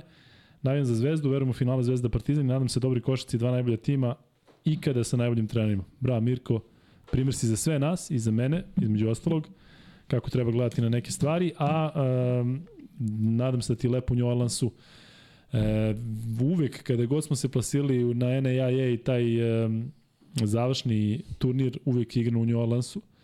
Ja mislim da je to Lakefront arena, ali možda grešim. A e, stalno smo jeli u Piccadilliju i zaista me jako lepa sećanja vezuju za New Orleans, zato što smo protiv nekih timova kao što su Loyola i ostali e, igrali, igrali tamo, tako da e, nadam se da uživaš. Iako nikada nisam e, zahvatio Mardi Gras, mada je Mardi Gras bio i kod nas u gradu, jedino dva grada su New Orleans i Mobil, ali ovaj, ne sjećam se iskreno da, da je ostavilo da je neki utisak jači.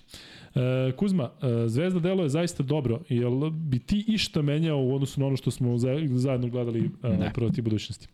Ne, 12 Kako još da igrača. da podigneš na, na viši nivo? Da li je moguće? Ne, mislim da su motivisani. Mi deluje mi da su motivisani. E, Bilo je i tu nekih evo kažem propusta, bilo je tu pre svega otvoreni šutovi koji nisu zavrtali, završili u košu, ali je odbrana bila besprekorna. 37 minuta, mislim da je to bilo nekog opuštanja. Pa čak ni u, tom, u tim trenucima nije baš to tolerisao Ivanović, prosto hoće fokusiranu ekipu.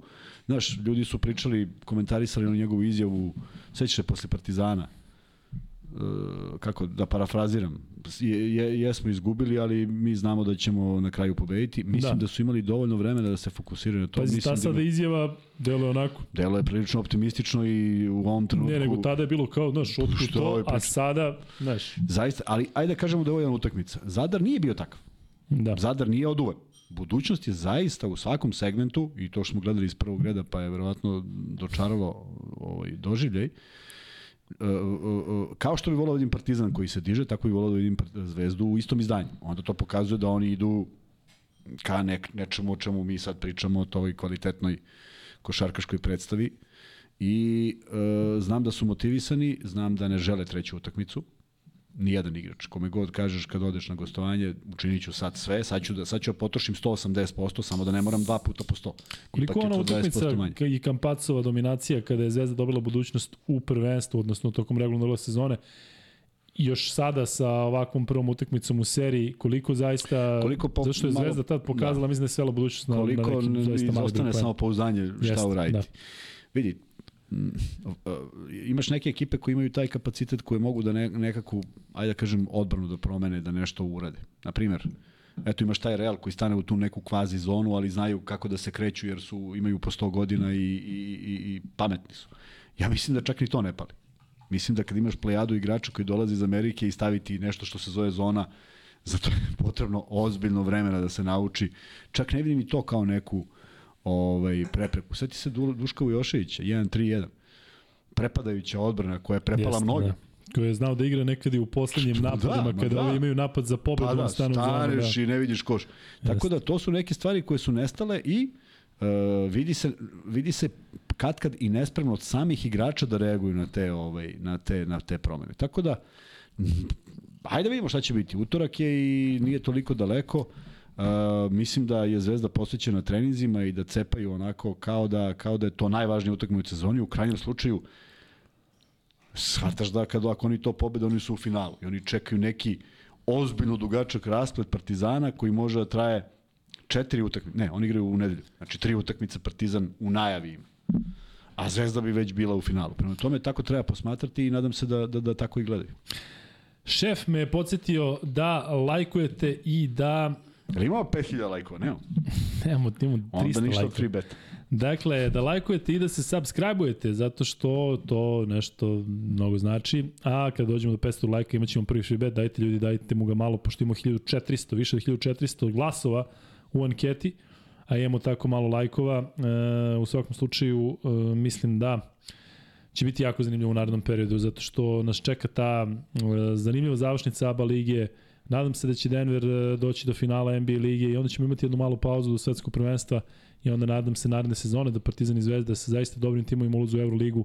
Koliko sam najavljivao prošle sezone, ovu sezonu, koja je zaista ispunila očekivanje u smislu koliko je košarka izdominirala što se tiče sporta i koliko je ovaj, još popularnija, čini mi se, toliko mislim da će naredna sezona biti još bolja. Iskreno, volao bih da, uh, evo, možemo da stavimo taj pol, Bane, malo ću da pređem na NBA ligu, taman Kuzma može ovde da se dopisuje sa, na Instagramu, da odgovore ljudima.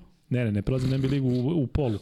Dakle, 47% Partizan, 47% Zvezda i neko treći 5%. I ona imaginarni 1% kod nikad ne znamo gde. To su moji OKK Beograd, AC Soft, Tako je. Beobanka. I BFC, stari dobri BFC.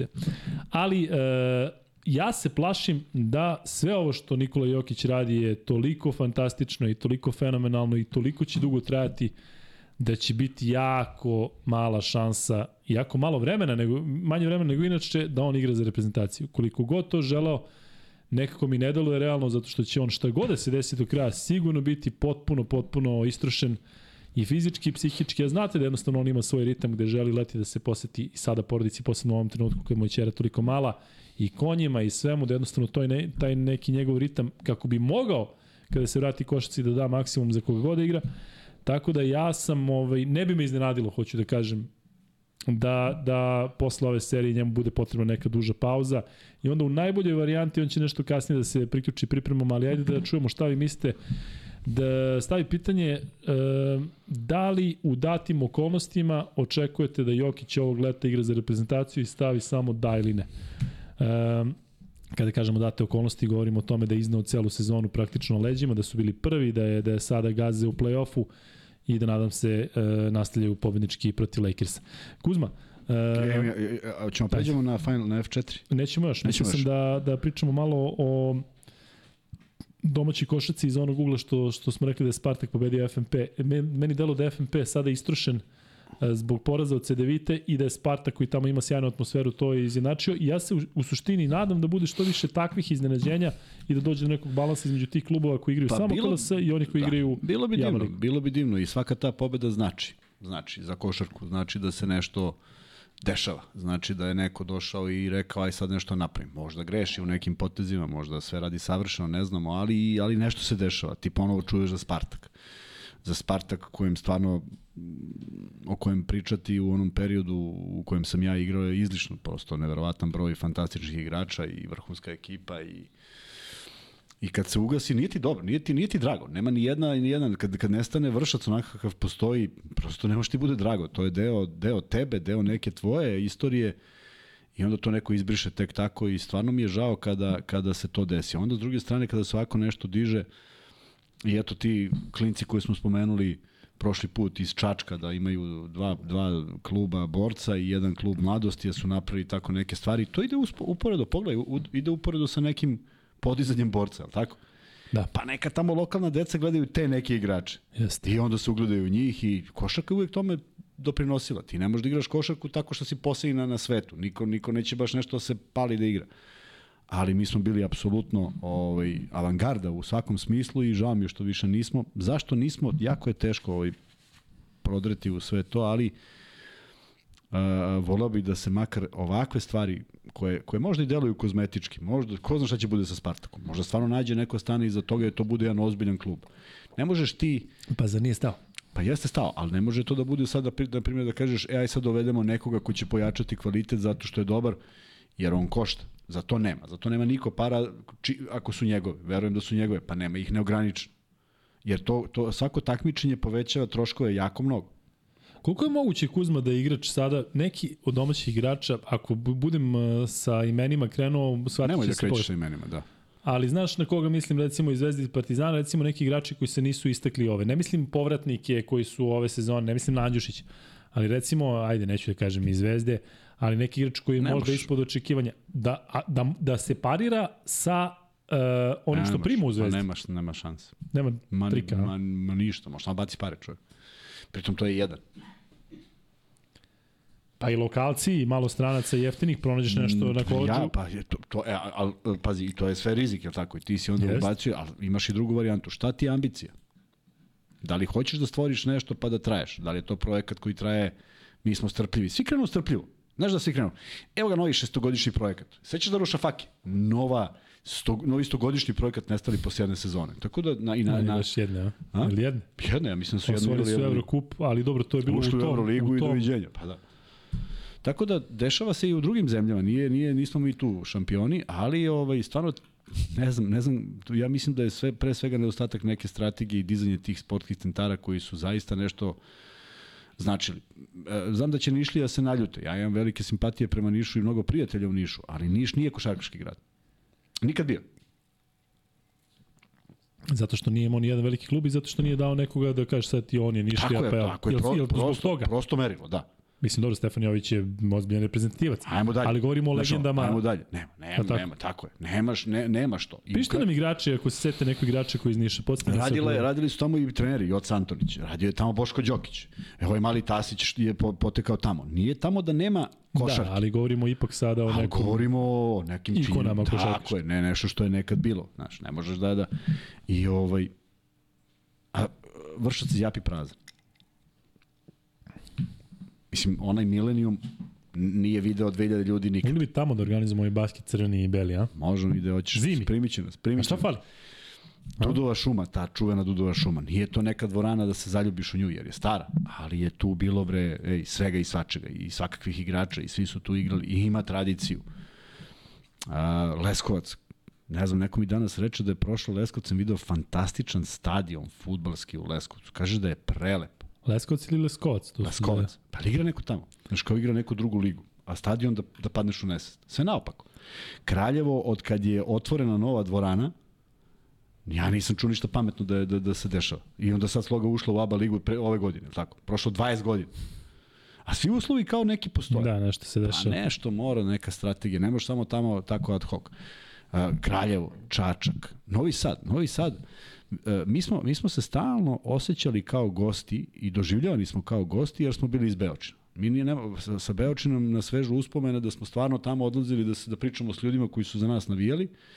Nekad do banke da uzmemo neke čekove i na neki ručak u ka, Karašu, tako se zvao restoran, valjda i dalje postoji. I što je moj dragi prijatelj, nažalost pokojni mume bio tamo, pa sam eto češće odlazio. Mi smo bili novosađani. Niko nas nije konstatovao 2%. Zbog čega misliš? Pa privilegiju su imali, pa i sad ovo, privilegiju su imali Vojvodina, NAP, Radnički, Slavija, Ej, na tako malom, u tako malom gradu, četiri tima koji su ono, prva liga, prva B liga. Nije to sad bio neki raspon šest liga, nego su svi tu. Zašto niko ne zna? I sad ti kažeš, Duda Ivković je osvojio 83. ili 85. Nek mi neko kaže, mislim da je 83. Nek mi neko još kaže uspeh novosadskog kluba od tog momenta. Ne računaj nas, jer nas, kažem ti, nisu uopšte tretirali kao novosađe. Pa to je nemoguće za jedan grad, to Sad kapaciteta. neko priča sramoteš da Vojvodina nema ni jednu predstavnika u ABA ligi. Pa, pa kako da ima? Pa za ne treba država da stane iza tog Novog Sada, iza Pa te stajali Vojvodine? su, pa su se zvali NIS. I? Pa ništa, to ti kažem, ništa. Pa to sad znači ne treba više nikada da stanemo. Ne, Koliko to znači, to znači, to znači da ne, ne, ne, nedostaje strategije. Dakle, vidi ovako, tamo imaš ovako, u, u okviru Spensa imaš jedno pet kafića i pet struja. ali ne, ne Lukajić struja. Ne nego, Lukaj znaš, struja, nego pet struja i, i, i znaš, ono, svi su protiv svakoga. Tako da, eto, nažalost, eto, Novi Sad koji, koji ima sve kapacitete i u veliki broj dvorana i taj Spens koji je fantastičan i ta mala dvorana Spensa koja je I onda šta, je, šta, je, šta se zapatilo u Novom Sadu? Fantastični odbojkaši Vojvodine. Pa jedno vreme su bili, bre, Yes. Znaš, e, to, to su neke nejasne stvari. Tako da, a, otišli smo daleko. A ja sam teo neke dve lepe vesti da, Ajde. ovaj, kad smo već pričali o domaćoj, domaćoj košarci. Jel si našao ili tek treba da nađeš? Našao sam, našao sam. Da Nisam je li- Vlaković dao gol, tako da lepo za Juve i za futbol. A, Aleksandar Marić mi je pisao pre neki dan i zaista ja ne mogu da kažem da mogu da pratim ovo jer, jer ima toliko informacija u toku dana, ali jako lepo zvuči. Kaže ovako, pa i sad ovo. Dečaci u 11 iz Stare Pazove, odakle je on, su prvaci Vojvodine. E to je, na primjer, nešto što je fantastično. Pazi, Stare Pazove. U polufinalu protiv Novog Sada i u finalu protiv Zrenjanina su pobedili. Sjajno. Eto, znači nešto se dešava u toj staroj Pazovi dobro. Šta misliš? Šta čeka staru Pazovu za dve godine? Tri godine? Ovaj prelazi ovamo, jer tu, tu, sad kad dođe, to će bude ludilo. Ovaj prelazi ovamo, aj živi bili providjeli, Aleksandar, bit ćemo na vezi, pa ćeš da nam javiš kako se stvari odvijaju. Da li su roditelji poludali i poslali decu već u širom Evrope? A ako ima još neko iz Stare Pazove, Da organizovat ćemo nešto, tamo ovaj, druženje, ja u Staru Pazovu idem često, tako da javite se, šta da vam kažem. A, Koja je druga vest? a druga vest, čekaj se da nađem. Ko mi je sad poslao drugu vest? Sad ne mogu setim. Pa hiljadu mu Dabrova Kuzma, ko zna koliko Hiljadu, je, hiljadu mu jelenskih rogova. ko zna koliko je bilo bitno, a ti tako. A, bre, aha, da, da, da, evo, našao sam, čekaj, čekaj, čekaj. Aha, aha. Gde si? Evo ga, Nikola, Nikola. Nikola Matić, kaže. Da se večeras, da je Predrag Jovanović, trener Predrag Jovanović, koji je njegov drug, plasirao na Final Four Univerzitetske lige u Rusiji sa Jekaterinburskim univerzitetom. Pobedili su i danas igraju u finalu. Sjajno. I kaže da je ovaj, e, prati podcast i da smo odgovarali na njegova pitanja i da su mu je porodica sad tamo i da bi bilo lepo ga pozdravimo i mi pozdravljamo, to je divan uspeh, to je svaki Kako rad ne. se isplati, tako da... Jekaterinburg inače poznat po uspesima ženske košarke. Da, I on je vodio, radio je sa ženama Ozbiljno. ranije, sad je prvi put vodio, kaže, klince i eto, to je to. Jako lepo. Javljajte nam takve stvari da ovaj da vam se mi odužimo bar tako što ćemo pred toliko ljudi da kažemo te neke uspehe na lokalu, kada kažem na lokalu ne mislim samo ovde u Srbiji, već i ovako ako ima nekih uspeha naših sa strane. Ja hoću da kažem još jednu stvar pre nego što pređemo na F4, a Kuzma, nadam se da će ti podržati. Ono čemu se ja zaista radujem u moru ovih prozivanja međusobnih i tog zaista nezdravog rivaliteta između Zvezde i Partizana, zaista se nadam da će narednih godina da postoji jedan zdrav rivalitet između Drezgića i Topića. Šta treba da se desi da ti momci koji sada imaju toliki potencijal, jedan u Zvezdi, drugi u Partizanu, da e, postanu lideri ekipa već za nekoliko sezona. Pritom toliko pričamo o tome da nema playmakera, evo sada, imamo dva igrača koji su primarno na pozicijama jedinice. E, Glavni preduslov je zatvaranje, pošto smo mi u toj priči na našu radost, zatvaranje Evrolige. Do pre par godina nisam bio za to, ali ako su Zvezda i Partizan u, onda prosto ovaj, moram da konstatujem da, da, da je to jedini način da jedan klub može da se oslani i na sobstveni kadar koji dolazi, jer mi to ne viđamo. Ako izuzmemo Real Madrid, i ako izuzmemo Real Madrid sa nenormalno talentovanim igračima, je tako? Ipak ekstremno talentovan. Širom sveta. Ko je to još? Što, je li ima neki mladi italijan kako leprša u Armaniju? Nema. Nema više ni u Realu. Nego su naleteli nekoliko momaka koji su bili van serijski. Nema više nigde. A to je ovde nešto što se zahteva.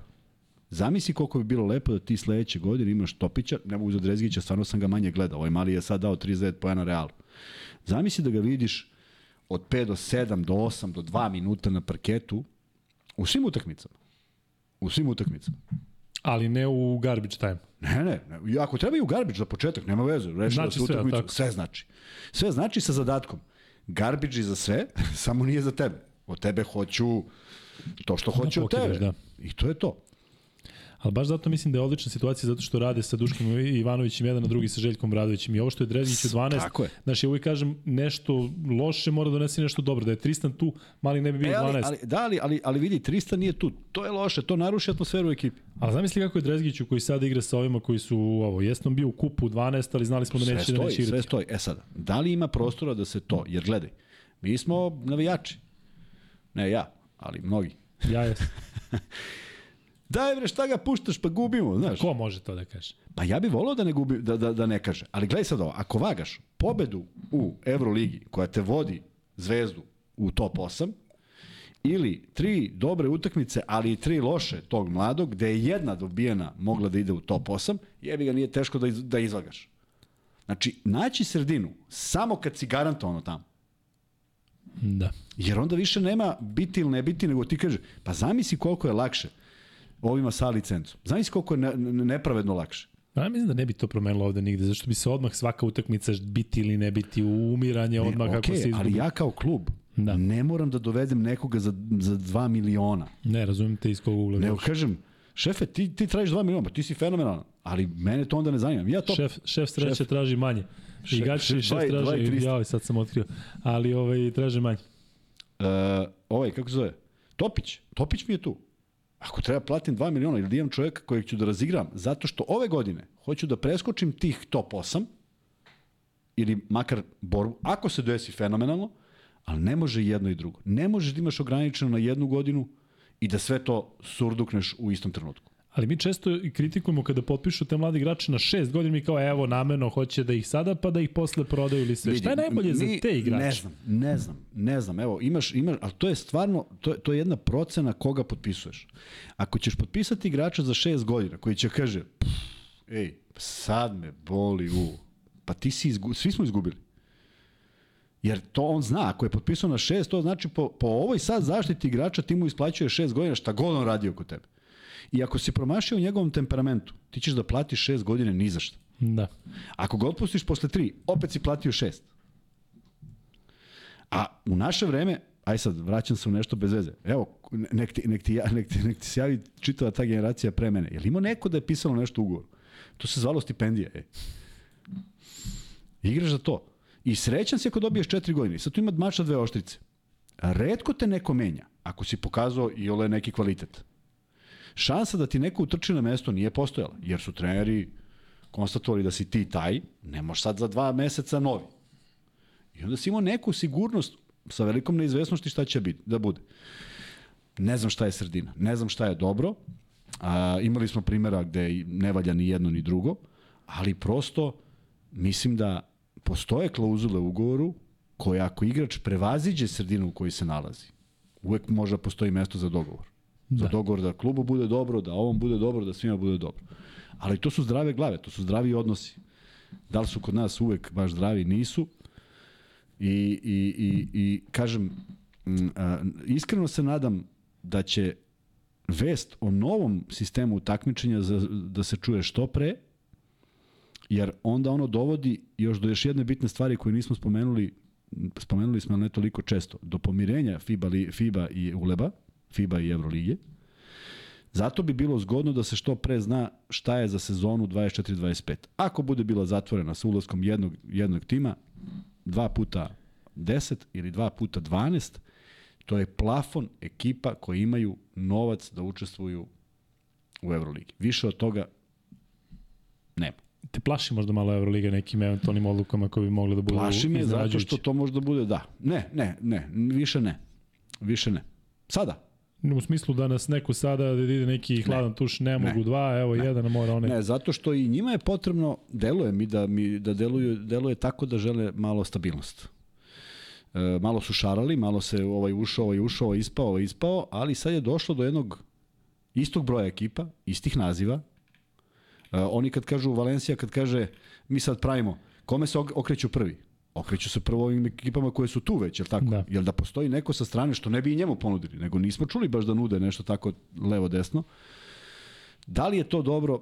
Uvek sam bio protiv toga da, da, da sport ne utiče na to ko je, ali situacija je takva, možemo da postojimo u toj ligi ili da ne postojimo. Svi svode, svi svode gašenje košarke ako nismo u Euroligi, a ja te sad pitam, kako se onda taj Spartak podigo i da li je tamo gašenje košarke? Ja nešto ne mislim da je gašenje košarke. Ja mislim da je to fantastična stvar za taj grad. Tako Da, da, da. samo treba vidjeti šta, šta posmatramo po tim. Ja mislim da kada se okrenemo i kada se vratimo na onaj period kada je Vlada Ivanović na početku sezone vodio Zvezdu, da je možda i naj e, pozitivnije to što je dao Topiću da igra, čini mi se čak i u petorci protiv Panatenikosa.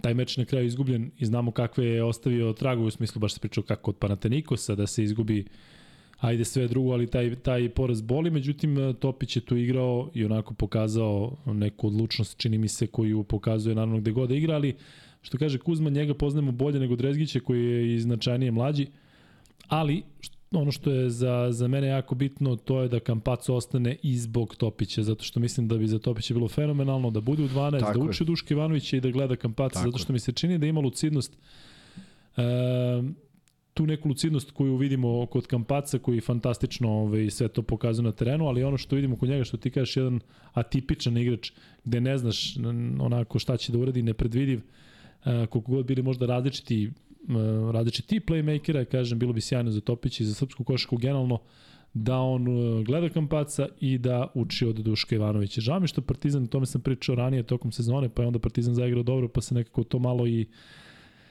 i sve ovaj, stavilo u drugi plan, ali žao mi što Partizan nema nekog pleja gde bi Drezgić mogao da kaže aha, to je to. Mislim da od Madara koji ipak mlad ne može ne znam šta da nauči, Exum nije ono samo play, tako da, da da bih volao da Partizan ima neku produženu ruku Željka Bradovića na terenu, još uvijek ne znamo ko je to. I možda je to iz mog ugla, možda je to bilo i ključno. Ja kada sam govorio o playmakeru, meni je bilo drago da je tu neko da se nosi sa onim džedovima Real Madrida u odlučujućim minutima pete utakmice. Uh, Kuzma, da pređemo na F4, znači za vreme. Pite da. ovde o toj informaciji da Zvezda igra sledeće godine u areni, je to zvanično? Samo ovo što smo uspeli mm. da vidimo preko ovaj, Instagrama. Kako komentarišeš to? Uh, finansijski... Ti si čovjek pionira. Finansijski ja isplativo, da. Ja uvek govorim da je, da je bolja atmosfera tamo, ali kad se dođe u ovakve brojeve i ovakve iznose i kada stvarno svaki da. klub treba da mora da zavisi da od nekog, i... mora da prati. Ako već imaš dvoranu koja to ispunjava, uh, zašto da ne? U krajnjem slučaju to se računa i to nisu mali iznosi. Imali smo gosta koji nam je pričao da je, da je, da je dosta toga pokriveno iz, iz tih sredstava, tako da treba verovati tome i ja se nadam da će jedan i drugi klub, makar u tom segmentu, uspeti da povrate neki novac koji je uložen, zato što ne može, ne može baš da prođe sezona da ništa ne može da se, da se ovaj, vrati u, u, u, klub. A koliko je bitno to kakvi će, kako će izgledati timovi? Dakle, Zvezda ako sad napravi ekipu i ostane Kampaco, da, da, da, je da. to ključno ili misliš da postoji mislim, neka baza mislim, da će da- dolaziti da, sve jedno? Mislim da je Zvezda svesna da ostane Kampaca znači potpuno ludilo za sledeću godinu. Potpuno nevažno šta će se desiti do kraja sezone. Ostanak Kampaca znači jedno, jer nekako, nekako mi deluje da sad ima takav, takav rating u, u, u među navijačima, da da izmisliš sada, pa i nekog, daj neki pandan Kampacu, daj nekog kvalitetnog. Slukas, je li tako? Daj nekog, evo, evo ko je na Final Fouru? Slukas? Od playmakera. Govoriš generalno playmaker da. ili koji liči na, kam, ne, ne, baš, baš playmakeri. Slukas, Ovaj nije, ovaj Higgins nije Laprovitola. Pa dobro, i ovaj mali Jokubaitis je isto play. Trt. Šta je, ne Pa nije, nije mi on, da. Dalje? James. James. Pa evo, evo od, tač, od, od četiri playmakera na Final Four. Da, pa i ovi neko? su svi, ovi Ljulji, Rudi, Ćaćo, svi su tu. Rudi nije play, ali govorim... Evo, evo od, od svih tih Kozer. imena, bekova, je li ima neko ko, koga bi više, neko, više volio da gledaš? Ko donosi ovo? Imaju svoje kvalitete. Ali ovo je doneo nešto što je bilo uzbuđenje. Jeste. Među navijačima i u krajnjem slučaju kad pogledaš kako je počeo da ređa ko putujući cirkus. Pune se dvorane gde god igra Zvezda videli Kampaca, jer se toliko pričalo o tome, Jeste. a on s početka osjeća ogromnu odgovornost da pokaže i više od, od onoga što može. A pritom je zaista opravdao očekivanje u smislu ovo što je dobio od igre. Je, mislim da nas je čak i pozitivno iznenadio u smislu Izvini, imati, svega. da, imati energiju protiv budućnosti kao da je njemu to neka tradicionalno ono Jeste, da ozbiljno da on, važna da on vuče neki repove, pa, pa mora da im se... Naš, Zato sam im rekao, on je njih pokidao tamo, dakle on sad naš motiv Kažem, ako te ne pokrene da igraš s njima ako te ne pokrene, stvarno nisi normalan, treba da se ispišeš da ne igraš košarku. Da kaže ovde Satoranski, Okobo i ostalo, dakle, e, ali e, niko nije. A evo, je li ima neko ko bi izazvao toliko u havariju? Ne. Vokaps, verovatno.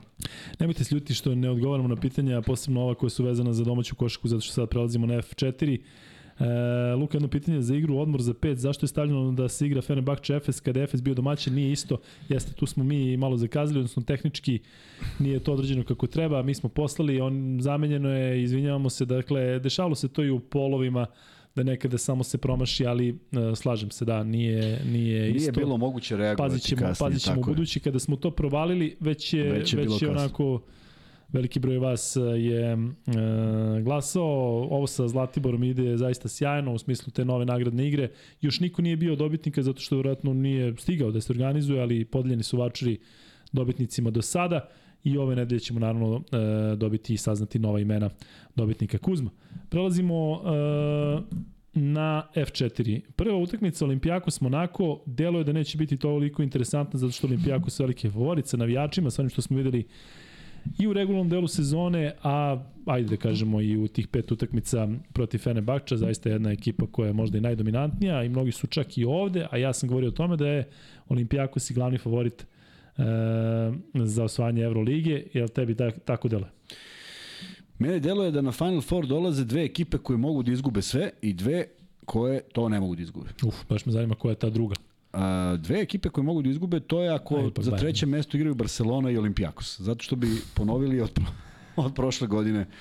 I mislim da su oni pokazali dovoljno da bi svakav drugi, kako sam ovo lepo rekao, svakav, S- s- Kako ga sve kako. svakav drugi ishod bio neuspeh. Dakle, a ove dve ekipe, šunjalica iz Madrida koji su se ušunjali i e, Monako koji kako bih rekao, potajno se nadao, oni zaista mogu da igraju najrastrećenije utakmice i možda će tu i najveći problem biti i Olimpijakosu i Barceloni. Prosto došao si dotle i možeš samo mnogo da dobiješ. Tako da u tom nekom raspoloženju vidjet ćemo kako će se ko snaći. Evo sad Vezenkov dobio titulu MVP-a. To može bude uvek dobro, može bude loše. Naleće na jednog od najboljih igrača Evrolige, direktno na poziciji, vidjet ćemo kako će to odigrati protiv njega.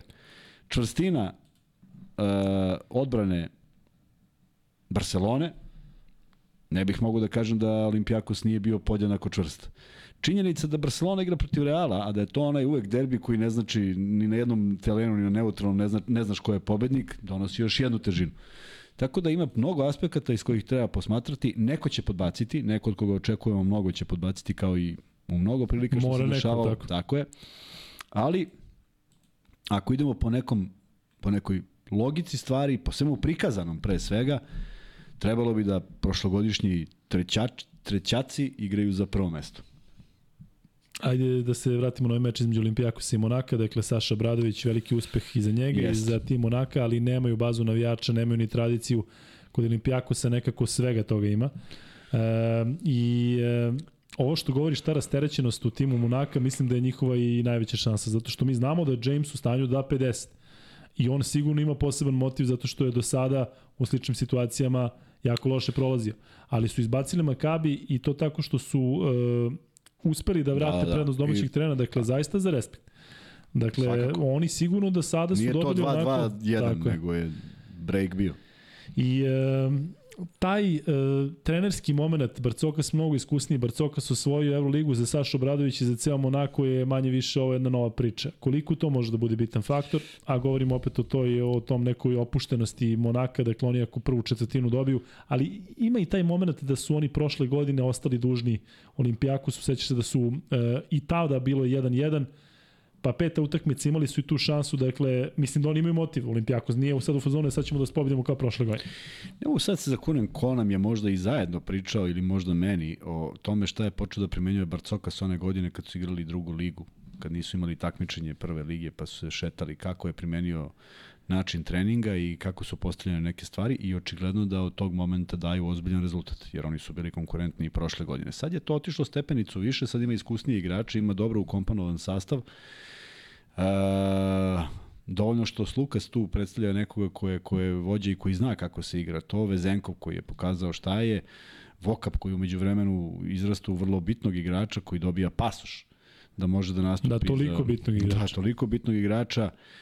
Deluje mi da ne da jednostavno pred njima je misija da prođe ovu prvu utakmicu, da je u finalu sve moguće, ali da korak ka finalu i da će uraditi sve. Mislim da su dovoljno fokusirani da naravno uvijek može da se desi da podbaci, ali mislim da će e, e, znati kao i prošle godine, ako sećaš onih vrlo neizvesnih utakmica pa je završeno 3-2, je li tako? Da.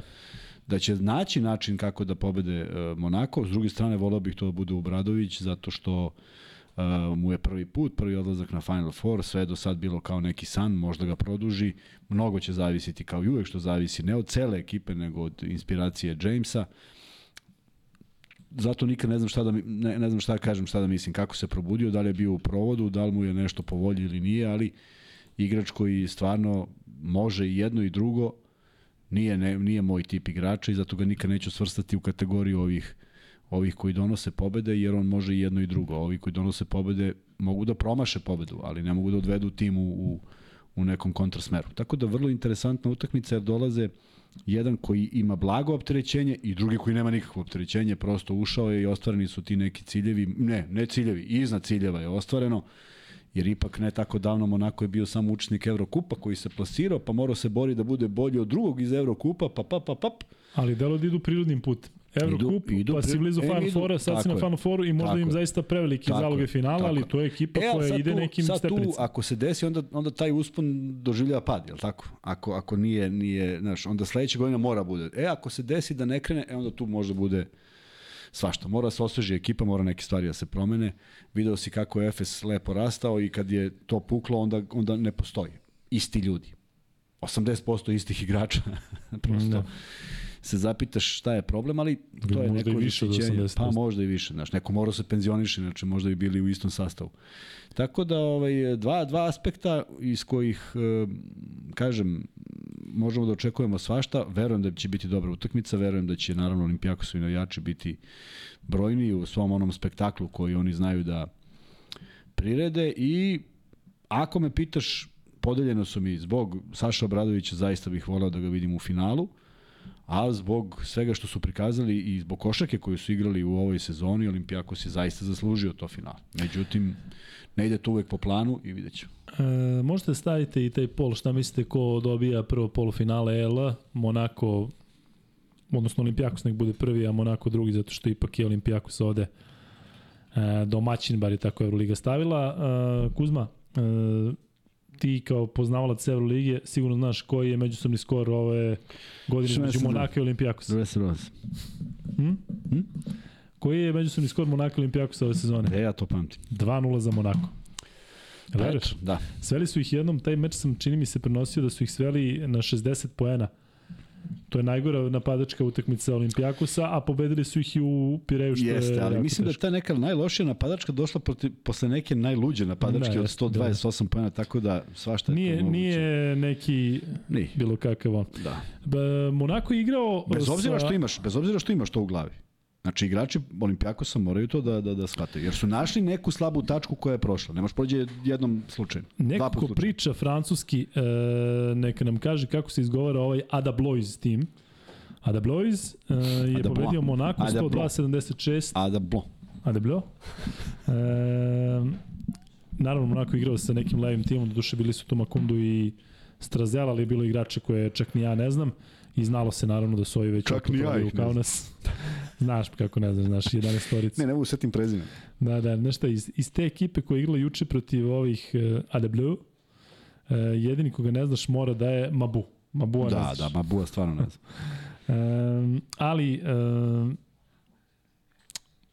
ja iskreno se nadam da će Saša Bradović proći na Final Four, ali za mene bi bilo najveće iznenađenje do sada u Euroligi da Olimpijakos taj meč ne dobije. Tako da uh, vidjet ćemo, taj meč se igra sutra od 17 časova. Ovaj drugi je ipak mnogo interesantniji, ne samo zbog toga što je to El Clasico, ne samo zbog toga što je Real, eto, upoznali smo svi Real kroz ove meče protiv Partizana, ali Kuzma, uh, kažeš Barca i Real da imaju svako svoj neki put. e, Barsa više, čini mi se sa Jeskivičiusem i sa svim, svim tim silnim zvezdama i novcem ne može sebi da dozvoli još jedno klizanje. Posebno će biti bolno ako to bude protiv najvećeg rivala. Tako je. Ali to donosi Barsa- težinu. Barsa ima 11 pobjeda za redom, Real je protiv Partizana pokazao posebno na prve dve utakmica, ali i tokom treće, četiri pete da ima mnogo, mnogo uh, ajde da kažem mana. Um, ta utakmica uh, se igra sutra od 20 časova i tvoje očekivanja su koje? Uh, Jasikivičius je trener koji nosi najveće opterećenje na Final Four od svih ovih trenera. On Mislim jedini da Čus može... Mateo nije u smislu moram, inače Ne, će šut ne, kart. Ne, ne, i on i da uzme šut karta. Tako mi deluje. Mislim, mm, znam neke stvari. nije on muslim. Čuo sam se s Pavlom, ti znaš smo se slikali, Da, pa smo ti, razmenili. Pavlo, brojeve. ste stare. Kajle. Ovaj, mislim da on nosi najveće opterećenje. Uh, Ćus Mateo možda da nosi najveće uzbuđenje, zato što je prvi put samostalno tu, a ovaj nosi opterećenje jer, jer je mnogo loših loše energije bilo prethodnih godina i one se obično negde sliju u taj Final Four i ne gledamo ni jednog igrača u njegovom najboljem izdanju, što je ipak neverovatno. Znaš, baš svima da padne forma je neverovatno, ali zaista i prošle godine su podbacili i pretprošle godine nije to ekipa koja je, koju smo gledali, evo ti kažeš 11 pobjeda, pa nije, to ne bude ta ekipa koju gledamo. Da vidimo da li će napokon možda učiniti nešto da rastereti ekipu, jer mislim da unosi nepotrebnu dodatnu nervozu, uvek voli da je perfekcionista, ako je on zamislio da je to polovreme moglo da se završi na 33, a ono, ne daj Bože, završi se na 36 poena, to je verovatno drama, ne mogu to igrači baš da prate iz, iz utakmice u utakmicu i da veruju u to jer nekad se preteruje. I mislim da je on glavni faktor o, iz utakmicu. Zaista mislim, bez obzira koga će on da izbaci na parket i sve to, samo da ne bude prenervozan, da ne unese nervozu u svoju ekipu, da, da jednostavno se posveti košaci i vođenju utakmice, a znam da mu je pritisak i da on negde osjeća da ovo mora da osvoji. Tako da će on tako i nastupiti i vidjet ćemo kuda će ga odvesti. Najgori mogući protivnik, ako me pitaš, ne po kvalitetu, nego po, po, po imenu, je Real, koji takođe zna gde je i šta je, i može samo na foru da prođe. Kao što je prošao i ovo, mogu da smisle nešto da se ovi neće snaći, neće prepoznati, neće nešto, jer ovo su iskusni igrači. Da se završnica utakmica svede na ljulj iz punog trka sa rotacijom u desno izbaci loptu i lopta uđe, jer to je on, ali tu neke e, košarkaškog nekog nadmudrivanja bez klasične četvorke sa Mirotićem na broja u četiri, ajde imamo kako će to da izgleda, ajde da te nadmudre, da im kako. Jer to bi trebalo bude ključna pozicija gde je Real dominantni. E, Barcelona dominantni. E, dobro, baš dobro zvuči to Real dominantni na četvorci. Da. E, Real je u Evro, u Euroligi dobio oni posljednji meč protiv Barcelone posle produžetka, bila je to super utakmica, ali je Barcelona onda vratila u posljednjem duelu pre nekih mesec dana u ACB ligi, tako da meni je Barcelona zaista veliki favorit, zato što mislim da Real se prilično istrošio protiv Partizana u svakom pogledu, pritom igraju bez Jabusela, koji... Ili igraju bez Jabusela? Ne Da. igraju. Ko?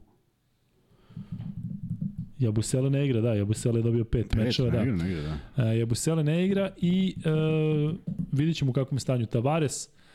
Sve u svemu, iskustvo Reala jeste veliko. E, svi ovi igrači koji pomenjamo poput Ćaća, Rudija, Ljulja znaju kako je biti u ovoj poziciji. Odigrali su, sigurno sam, zajedno zajedno na stotine mečeva protiv Barcelone, tako da sve u svemu biće to jako zanimljiva utakmica i volio bih da bude na jednu loptu sad ovako iz nekog neutralnog ugla. Ovaj, volio bih da vidim te šuteve u posljednjoj sekundi kao što je Vasa dao u polufinalu prošle godine. Um, sve u svemu, Kuzma, da sada odemo malo široko, da li je um, bilo kakav znak za srpsku košarku što što imamo zaista premalo predstavnika ove sezone, odnosno imamo Saša Bradovića i Nikolu Kalinića. Pa nije. Nije, imamo, imamo najboljeg u NBA, ne možemo svuda da imamo Pa da, Nekog nekog na najboljeg. F4, znaš, naviku nas je Pa, Micić sada ovih si je, protiv godina da je toliko dobio- dominantan, pa smo imali i pored njega i dosta igrača. ja ni- nikad to nisam video uspehom ili neuspehom naše košarke. Nikad to da li je neki naš igrač tamo ili ovamo. Ali žao mi u smislu što nemamo za koga da navijamo kao ranije Potpuno u nekim sličnim i meni, situacijama. izgubili smo neki rating u svemu tome, zaživjeli su neki drugi treneri, neka druga pravila, mislim da smo mnogo dozvolili to da se desi, sami smo krivi. Uh, ti vidiš neke trenere koji postoje u tim zemljama, koji se razvijaju, koji se pomažu, znaš, ajmo, ajmo, daj mi primer, daj mi primer Pablo Laso Ćus Mateo. Daj mi primjer u srpskoj košarci. Šta, da je jedan trener toliko dugo bio i da ga nasledio... Da je došao neko i rekao daj on. I da mu neko nije odsikao glavu. Pa u smislu bilo je Vujošević Đikić, u smislu ovaj mu je bio pomoćnik pa je I, i, nasledio. I nestane, ne, umesto sada ga gajiš, jer ovo je ako pretekne ovu sezonu, on će da, da ide. Možda i neće. Ali se jako teško dobija prava šansa u velikom klubu koji ode na Final Four. Čus Mateo je da izgubi tamo, on je došao na Final Four. Na Final Fouru su gubili i bolji treneri i bolje ekipe, pa nije ništa, to je jedna utakmica, pa kako te pogodi, možeš da izgubiš u prvoj. Ali hoću da kažem da, da, da se, da se stvorila jedna plejada trenera koji su učili od naših trenera. Ne mora govorim da li je jugoslovenska ili srpska škola košarke, ali pogledaj šta kažu Hrvati. Kaže, oni su se pozabavili, kaže, Srbi su se pozabavili i, i, i školom. Jer ti kad pogledaš, veliki broj srpskih trenera je radio u hrvatskim klubovima. I oni su zadržali to nešto i to je trajalo. I bili smo neprikosnoveni i pogledaj unazad ono 90-ih kako je to sve išlo i ko je osvajao i ko je dizao neke košarkaške, ali smo tu poziciju izgubili. Mislim da smo sami krivi. Niko nam drugi nije kriv što smo izgubili. Jel imamo ovu anketu, kod mene ovde se ne pokazuje Olimpijakos Monako, ali ima tu, ima ja. Kod mene ovde nema, ali ajde ovaj nju da, uh, da, tu je. 69% Olimpijakos, uh, 31% Monako, mislim da je to realno, tako nešto smo očekivali, ali ajde stavite sada uh, isto pitanje, a ko dobija drugo polufinale i stavite uh, Real ili Barsa, mislim da će to biti sigurno izjednačenije. E, Kuzma, imaš još nešto da odeš u Final Fouru, će da najaviš e, studio koji radiš sutra? Ne, ne, hoću da nastavim još malo o Final Fouru zato što ovaj, lepo je što se nalazi u jednoj zemlji koja nekako podsjeća na nas. I ovo što je bilo u Beogradu bio je pravi spektakl za sve ljubitelje košarke, nema veze više, tu bar ne moramo da navijamo ni ne navijamo. Ovaj, drago mi je što je u Kaunasu iz prostog razloga što je to jedna tradicionalno zaista košarkaška zemlja. Rekao da sam izgubio malo simpatije posle svih onih nekih gluposti vezano za gostovanje zvezde i zašto ne podržavaju ovo ili ono i naravno politika se uvek umeša, ali ne menja da, da mi je drago da je u jednoj zemlji koja i dalje nastavlja u nekoj tradicionalnom koncipiranju timova sa mnogo domaćih igrača ili regionalnih igrača sa mnogo manje stranaca i uspevaju neke stvari koje nažalost mi nismo u toj meri uspeli da ostvarimo. Ne bih mogao se zakunem da Žalgiris ima veći budžet od Zvezde ili Partizana. Prosto ne verujem. Mislim da malo drugačije rade, mislim da su svi ti neki ljudi kojih nema mnogo. Mala je Litvanija zemlja u svetu košarke podređeni jednom cilju, da jednostavno uh, u jednoj takvoj zemlji podigli su ni ligu koja prilično pristojno izgleda, se slažeš? Pa, apsolutno. Ti si prenosio te utakmice, nije to Jest. ništa krit, kriminalno, naprotiv, tu rade i ozbiljni treneri. I... Za jednu Litvaniju u smislu koliko je mala zemlja, ali opet je košarkaška, ja uvijek hvalim tako njih je. kako rade jako dobro u smislu i tehnički tako i sve. Znači imaju dakle, neku dobru strategiju, imaju, da. tako? E, to je, to, je, to je za svaku pohvalu, drago mi je što je tamo, zašto znamo da će Video si koliko tamo nema obezbeđenja, oni su potpuno ne veruju da, da, da ovde onaj što je prenosio koliko ljudi ima na obezbeđenju na, na evroligaškim utakmicama u Beogradu, tamo je to sve nekako drugačije, relaksiranije. A, zato što će i oni moći da uživaju u nekom spektaklu, znam koliko su želi da uživaju u svom timu, ali to kao i ta, ta, euforija je bila i kad je Beograd bio domaćin, pa da li Zvezda može, pa nekako ostaneš, ostaneš onako... E, malo se razočaraš u sezonu, a nije baš bilo realno. Niti je Zvezda imala u tom trenutku tim koji može to da garantuje, naročito ne prolazak kroz a, četvrt finale. Tako da, eto, drago mi je da je, da je u Kaunasu. Uh, mislim da je u sistemu takmičenja koji je ustanovljen ovako kroz play-off i kroz broj pobeda zaista mislim da su se te prve četiri ekipe koje su zauzele prva četiri mesta tako i plasirale.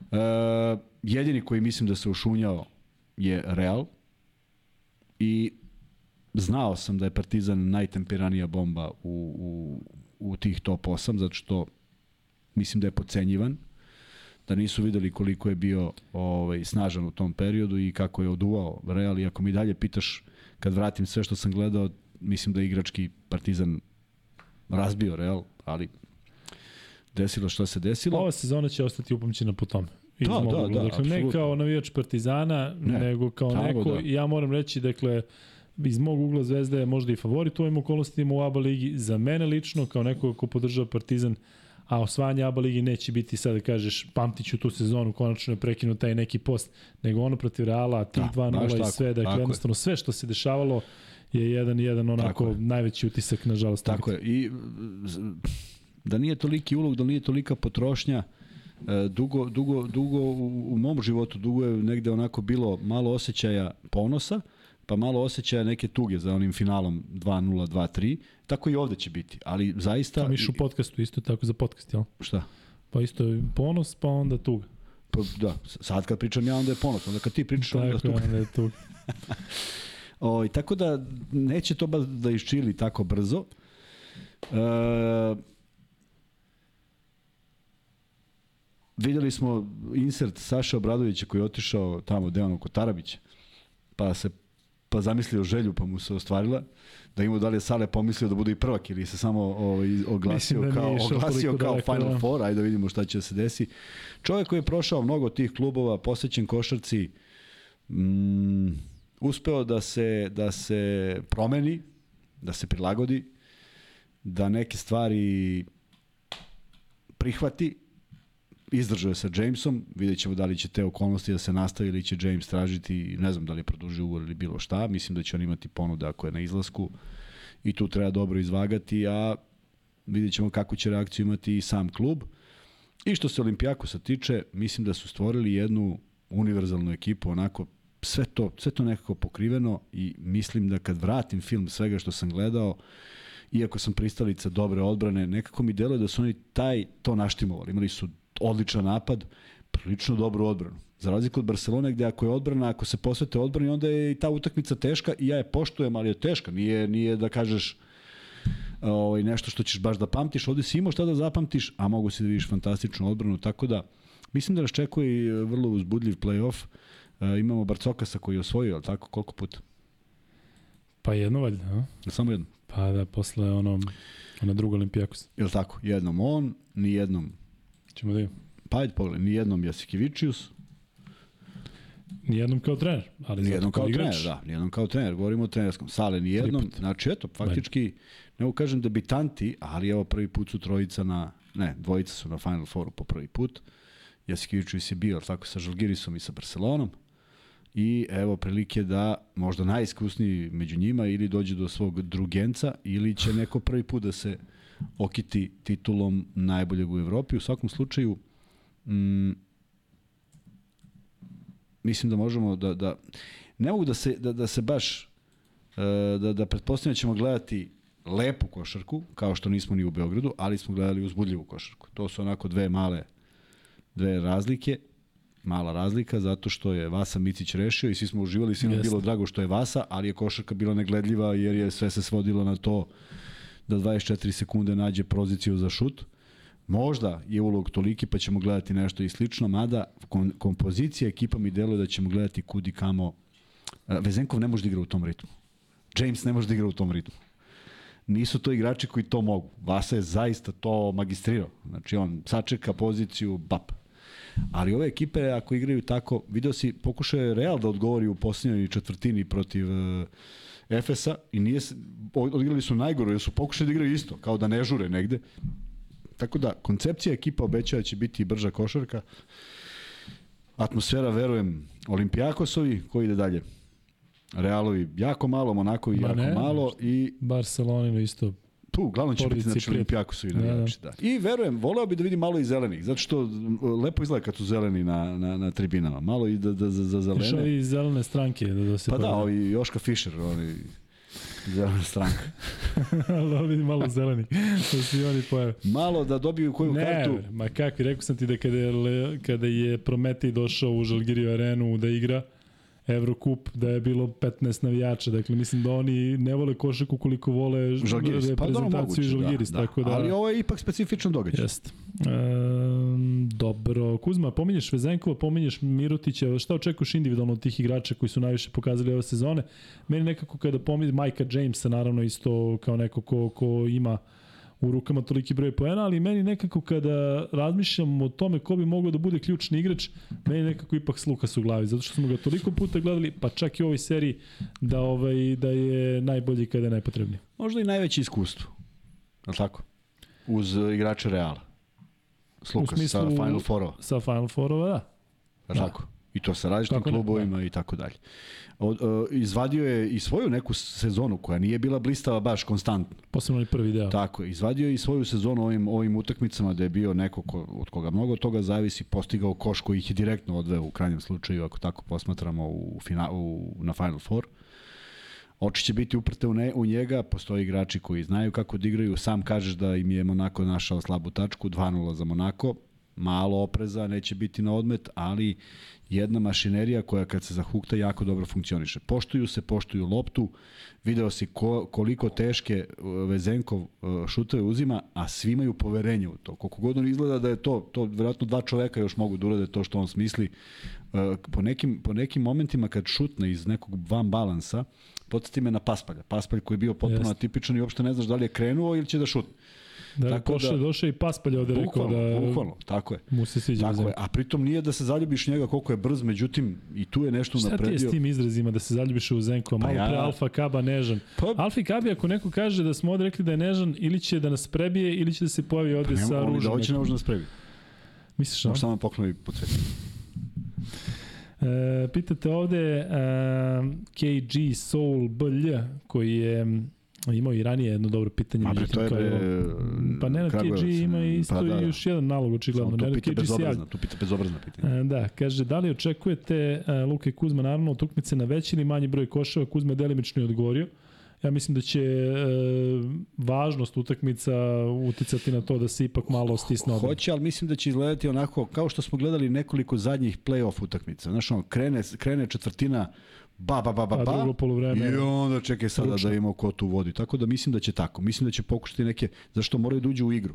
Ne možeš ti da uđeš u igru tako što jedan igrač dribla loptu i kao daje koš u 24. sekundi, prosto niko ne igra. Dakle, mislim da će biti drugačija dva poluvremena, ako tako mogu da Ne. kažem. Dokle će dogurati, zavisići od preciznosti i od uh, protoka lopte u napadu, ali uh, ne verujem da će ne verujem da će u drugom delu utakmice se da više poena nego u prvom. Mm, Da. To bi mi iznenadilo. E, znaš kako se izgovara Ada Blois? Kako? Je m'appelle Claude. Znate tako. Ada Blo. Ada Bloa. Eto ti. Ada Blua. Imamo ovde više opcije sad ko je u pravu. Piti Bog. A imamo ali- donaciju preko Ada, PayPala. Ada je sigurno. Neka velika. Će biti za... za ćevap. Mirković, hvala Vladane. I Hvala, da, Vlado. zaboravio sam da sam u toku dana dobio od Aleksandra Božića, tako da ovaj, hvala Aleksandre, kako si rekao, tako ćemo i da napravimo. Sale Božić, naš Sale Božić. Nije, nije, nije. Mislim da nije Sale Božić, piše Aleksandar. Možda je Aleksa. Aleksa, jesi to ti? Aleksandar Božić, znam Aleksu iz blokova. Pa, ja E, znam. imaš sliku? Pa idi onda nek ti da u kešu. da, da, da ne mora ovo, da ne gubimo te 1% preko Paypala, da. E, sački sad ću dođem. E, Danas kad da. sam spakovao stvari, naručio je čovek, a, naručio je, ja mislim da se Aca zove, naručio je jednu šolju belu, jednu šolju roze, jednu žensku majicu, jednu mušku majicu. Car. I preuzmem od velje majice i dolazim kući i imam tu neku rupu dok se ne nađem s tobom na ovom sastanku na kojem smo bili. Rekao, te da im gde stane? Čovjek stanuje ulicu iznad mene. I ja nazovem i sam da im bre, da li Aca jebote. Vrlo mi je važno sad da kažem. Pošto Aca kaže, juče sam se malo nervirao što nije bilo podcasta. Nema ja da se nerviš. A, da, Aca Kostić. E, ja sam mu to isporučio, našli smo tamo, hvala Aco i ostavio naravno još malo parica za, za ovaj za ove humanitarne akcije. Miksa, gde je Miksa? Ne, Hoćeš, a? nis. Hvala. Uh, uh, uh, uh, e, ubaci ovog malog Mihajla. E, jesi, da. Dajte, dajte da vidite šta smo promenili, ja sam to objavio, ali evo akcije koju želimo da nastavimo. To je i mom, momčić, dečko koji ima trofiju mišića i za kojeg smo ja i Luka igrali te neke utakmice, ja sa devojkama iz reprezentacije, Luka Ja sam sa muškarcima igrao, da. iz nereprezentacije. Da, da, da. Štirao trojke? Kako nisam dao 7 od 10 Eto. i tri E, tako da ta akcija traje, ne znam, ne znam gde je zapelo, uh, mali je divan dečko, sve to gledao i uživao u košarci, tako da evo neke nove akcije na koju smo se ovaj, fokusirali. Ono sve što ste uplatili preko donacija u prošlom podcastu, U live chatu, dakle, live to je chatu, jednostavno, tako je. mi ćemo platiti to, uh, To nismo- u, u toj cifri, dakle ne ono što nam YouTube oduzme pa nam da tamo sledećeg meseca Tako 22. je. 23.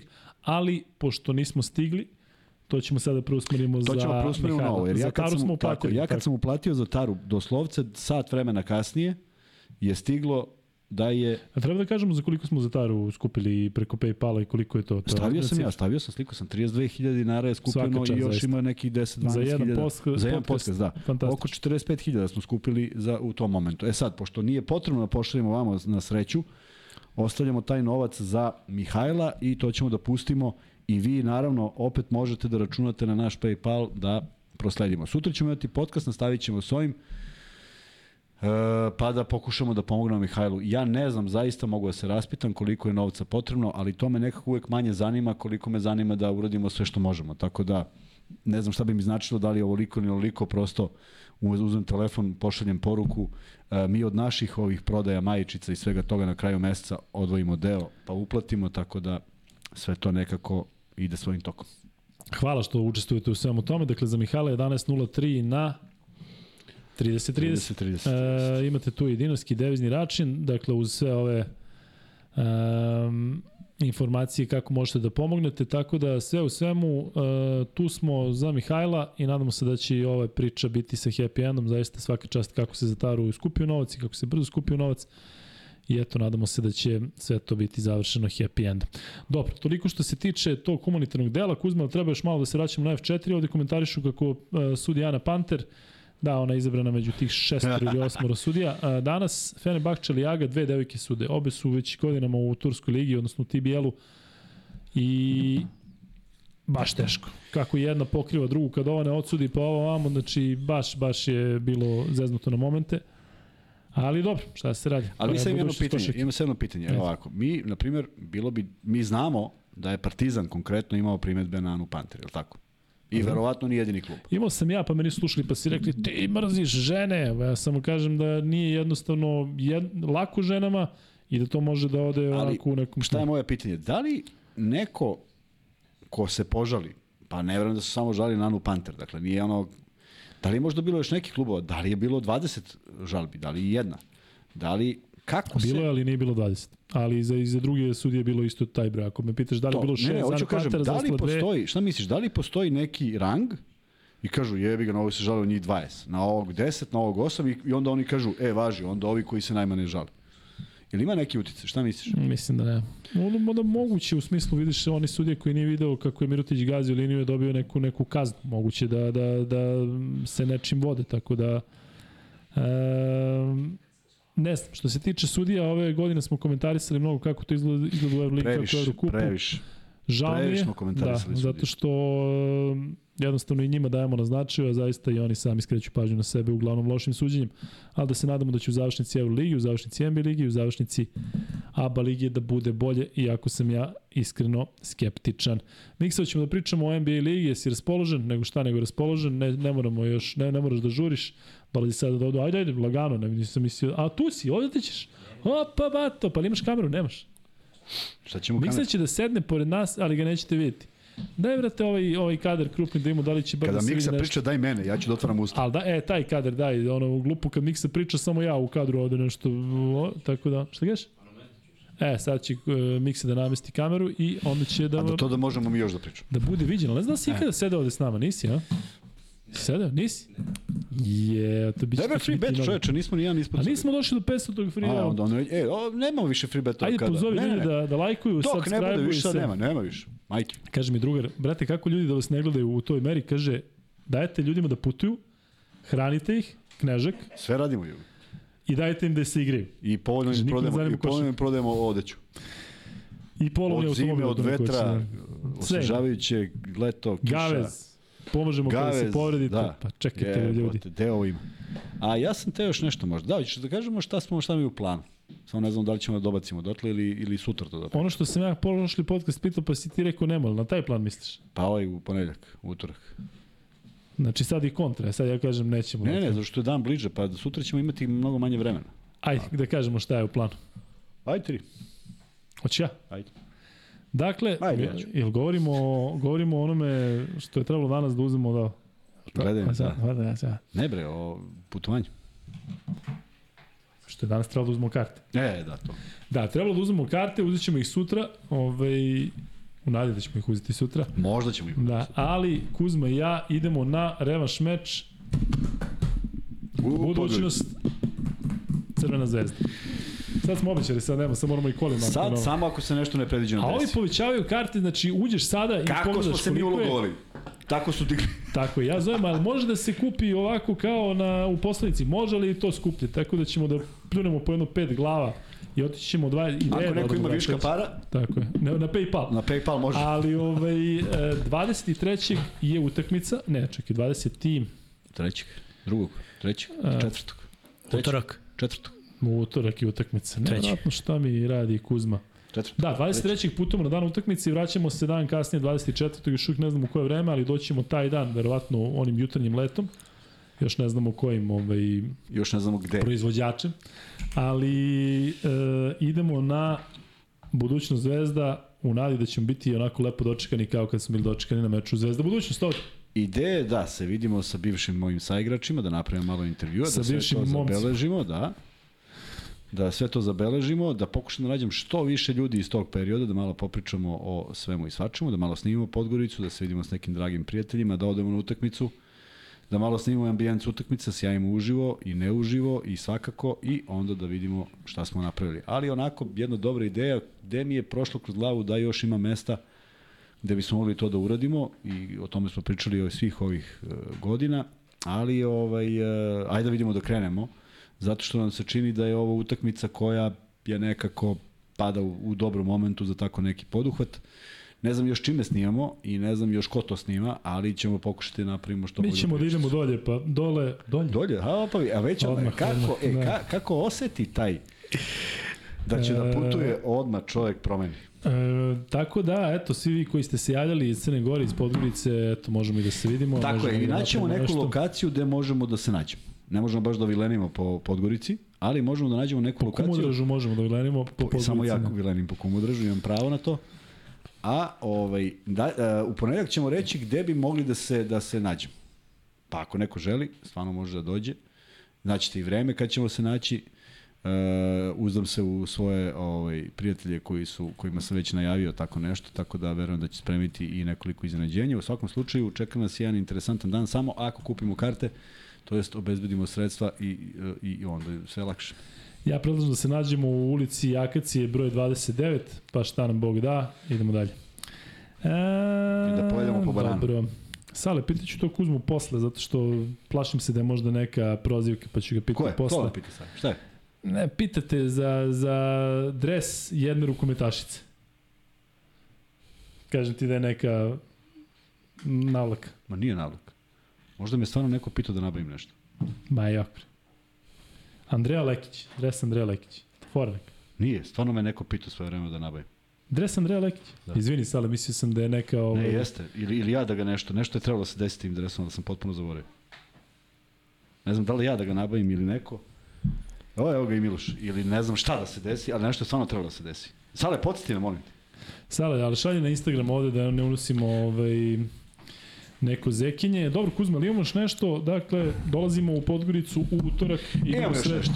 U je, Miksa ovde čovjek. Setio se, izvini, I- setio sam se. Jako me raduje vest da su ugovore produžili Dobrić i Luka Mitrović. Luka Mitrović. Kako se nisi setio to kad smo pričali o Zvezdi, nego sad odjednom kad trebamo na Jokić, ne bi ligu. kako sam se setio? Sad kao Luka, Pa i sad, setio.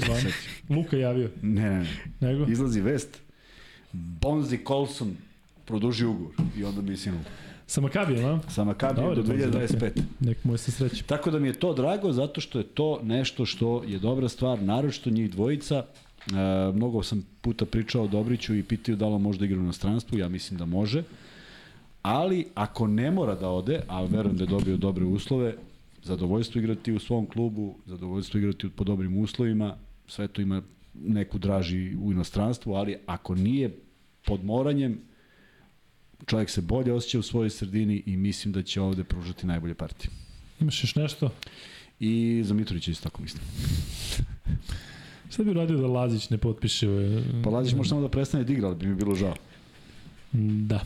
E, dobro, stigli smo do NBA lige, stigli smo do mikse, stigli smo do onoga što je verovatno mnogima posebno interesantno. Možete ugasiti ovaj pol e, koji se tiče drugog polufinala. Kuzme, sam ti rekao da će biti e, interesantnije nego Olimpijakos Monako. Barcelona Real da će biti veći egal. Kao i obično bio sam u pravu. Barcelona 82%, Real 17%.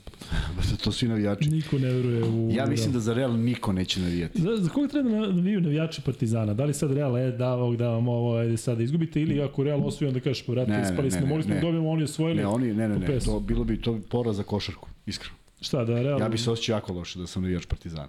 Ja se već osjećam loše sada. Ali da ti bi se, da- ti bi da se on- da on osjećao, ono, Ja- da, ja misliš, ovo, ovo ne boli ništa, nego sada ako prođu ej, Barsu, onda... Da, živeo Jasikevičius, udri Satri i onda ti je neka satisfakcija, znaš da nisu prvi. Ovako još kad bi bili prvi, pa to je da...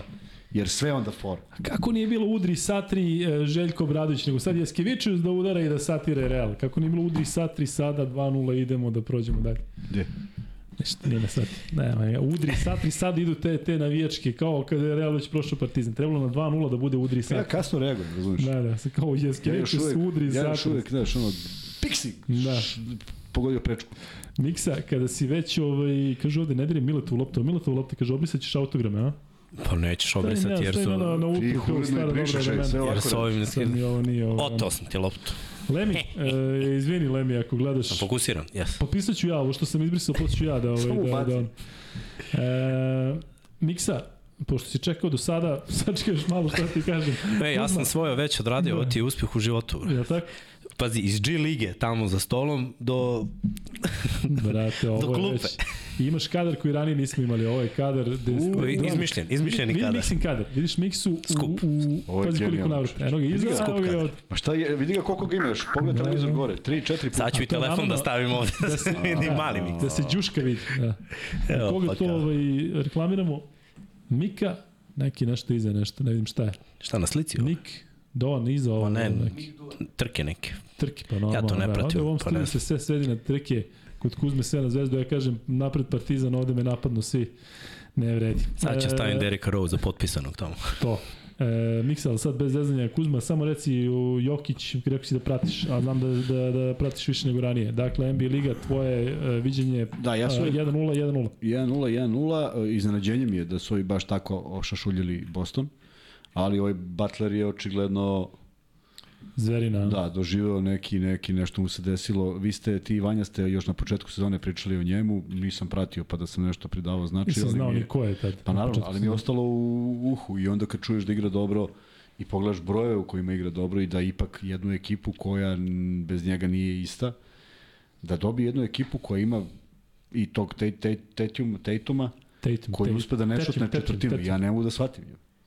Šta uspe da? Nije šutno da. četvrtinu. Jeste, ali je dao 50 vamo. Ne, super, sve to stoji, nego kažem, to su utakmice koje su bitne, znaš, kao ti si dao, ne znam šta, daj, daj dva tada. Tako da, ovaj, očigledno se radi o jednoj inspiraciji, igrači, sa igrači to znaju da prate, jeste malo iznenađenje, ali deluje potpuno zasluženo, a ovde se uvek pitam kad Jokić igra, koliko je još dodavanja imao, a da nisu prošle asistencije. Znači, Uh, verujem da ide na hoćeš, 30. verujem ja. Ja to vodim statistiku u 4 ujutru. Kad je ovaj, 14 uspelo, X. koliko nije? Da. E, Miksa, mm, ajde krenemo prvo od tog istoka zato što ćemo onda na Jokiću da se zadržimo malo dugo. Dakle, Kuzma kaže da je iznenađenje što je Jimmy Butler sa Majamijem dobio prvi meč. E, da li je to iznenađenje za tebe? Šta ste projektovali ranije u podcastu? E, pa projektovali smo 4-3 na kraju za Boston, ali nije, znaš šta, nije jer je Boston ove godine nekonstantan. To je toplo hladno i mislim, pričali smo i ti i ja o tome pre, da su bile neke utakmice, pa evo i Fila im je isto uzela utakmice neke, evo, baš prvu je Fila dobila Jeste. u TD Gardenu. Zapravo oni Čak imaju... i onu šestu, ili petu, kako su vratili oni? Bilo je 3-2, Mislim pa da- 3-3, je tako? da, da. nisu? petu. Jeste. Mislim da, da igraju jako loše kod kuće i ne, ne, nekako, gledaj, kad dobijaju, uništavaju protivnika, demorališu ga, razbijaju ga. Bilo je 20 razlike, 30 razlike. Kada gube, gube ove utakmice na jedan posed, ove egal utakmice. I na šta mi se nije svidalo, tipa prvo polovreme, nekih 10 razlike i ovaj kreće slavlje, ovaj Horford daje koš, pa, pa, pa ovaj Tatum daje, znaš ono, sve kao rešit ćemo Da. da. ih. 10 razlike. Mislim, da su oni gledali play-off, vide da je Jimmy povampiran ceo play-off. Samo je bilo pitanje vremena. Mislim, dečko je imao i šest ukradenih lopti uz ove silne poene. Da, da.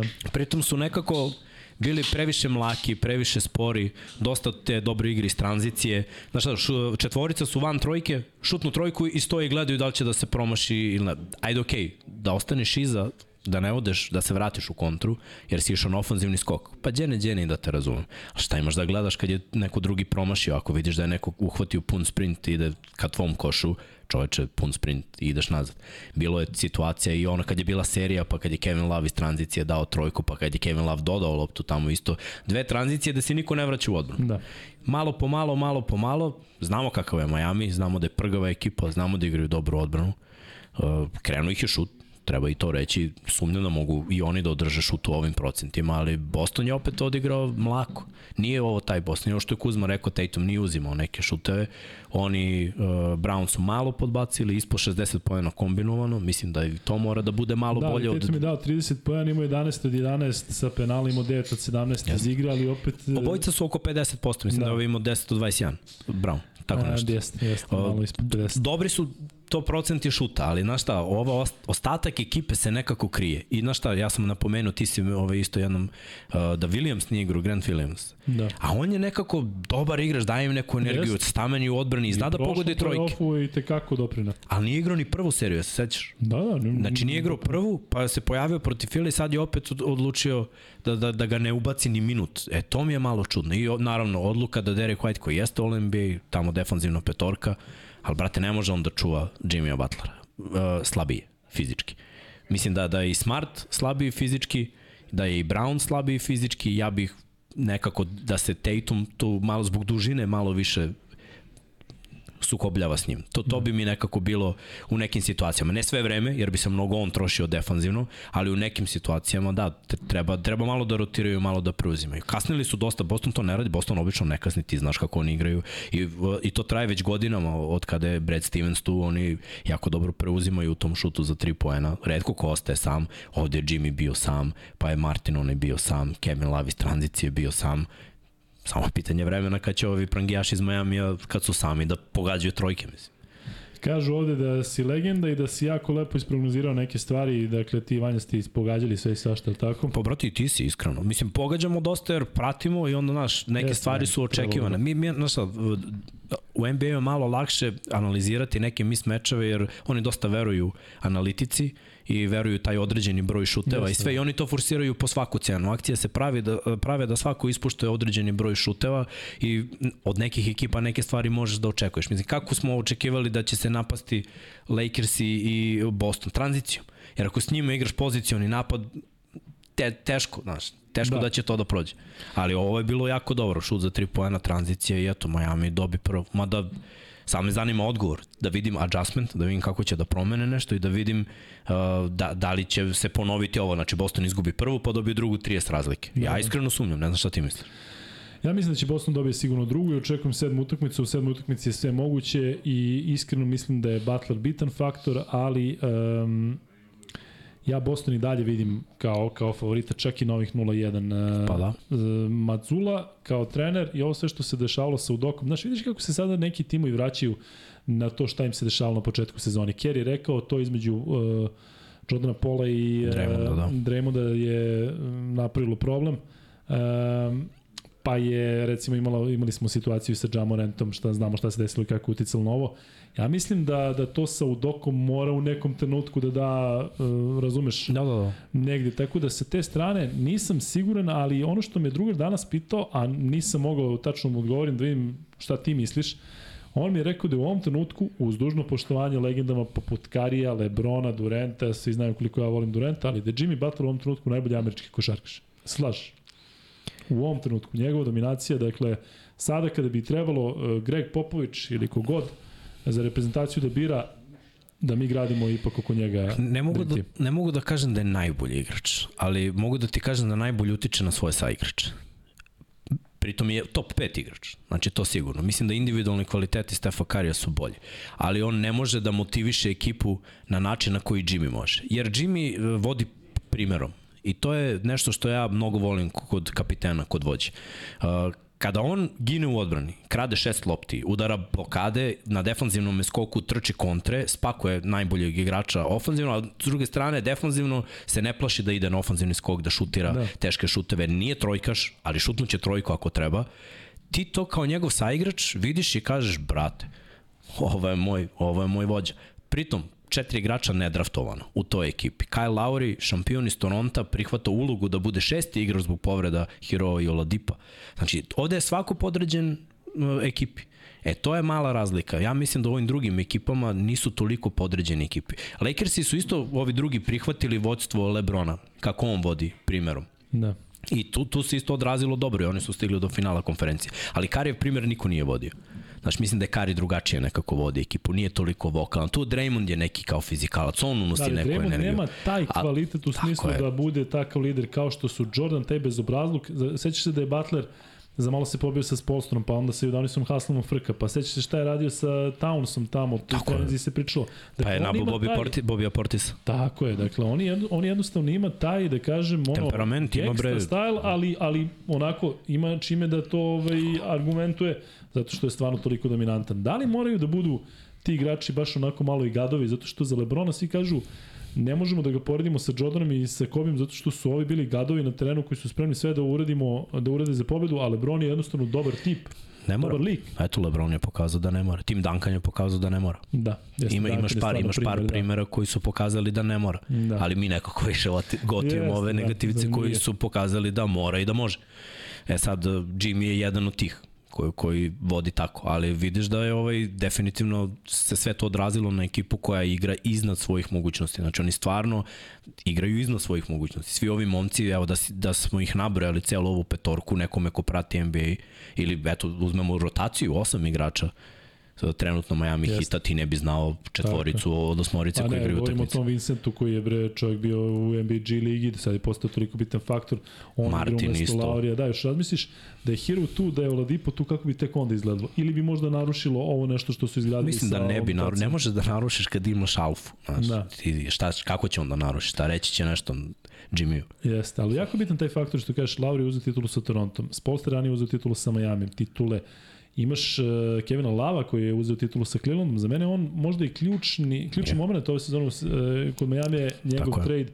Dakle, on je došao, on se u Clevelandu mučio, sećaš se da je bilo ono nije hteo da vraća loptu, pa se drao, pa ne znam šta. Da. Koliko god Cleveland bio dobar ovaj prošle sezone, ipak mislim da je ovo dobra sredina i da je onako da su svi profitirali. Veteranu treba uh, konkurentna ekipa. Ne može Kevin Love nakon osvajanja titule igranja toliko godina, on je mislim Da. čaurio tamo u Minnesota, pa je došao u Cleveland, Jeste. pa je bio dobar i onda sad odjednom ga staviš u rebuild sa nekim klincima.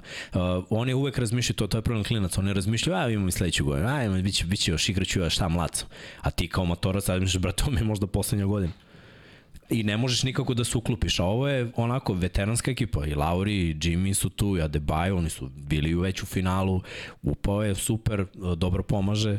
On je ono četvorka koja dosta radi na spacingu ekipe, ofanzivno, može da izađe na, s polja od trojke, a pritom je dobar i na ofanzivnom i na defanzivnom skoku. Bio celu karijeru zapravo. Da. To, to je jedna od njegovih glavnih odlika pre nego što je krenuo da, da šutira trojke dobro.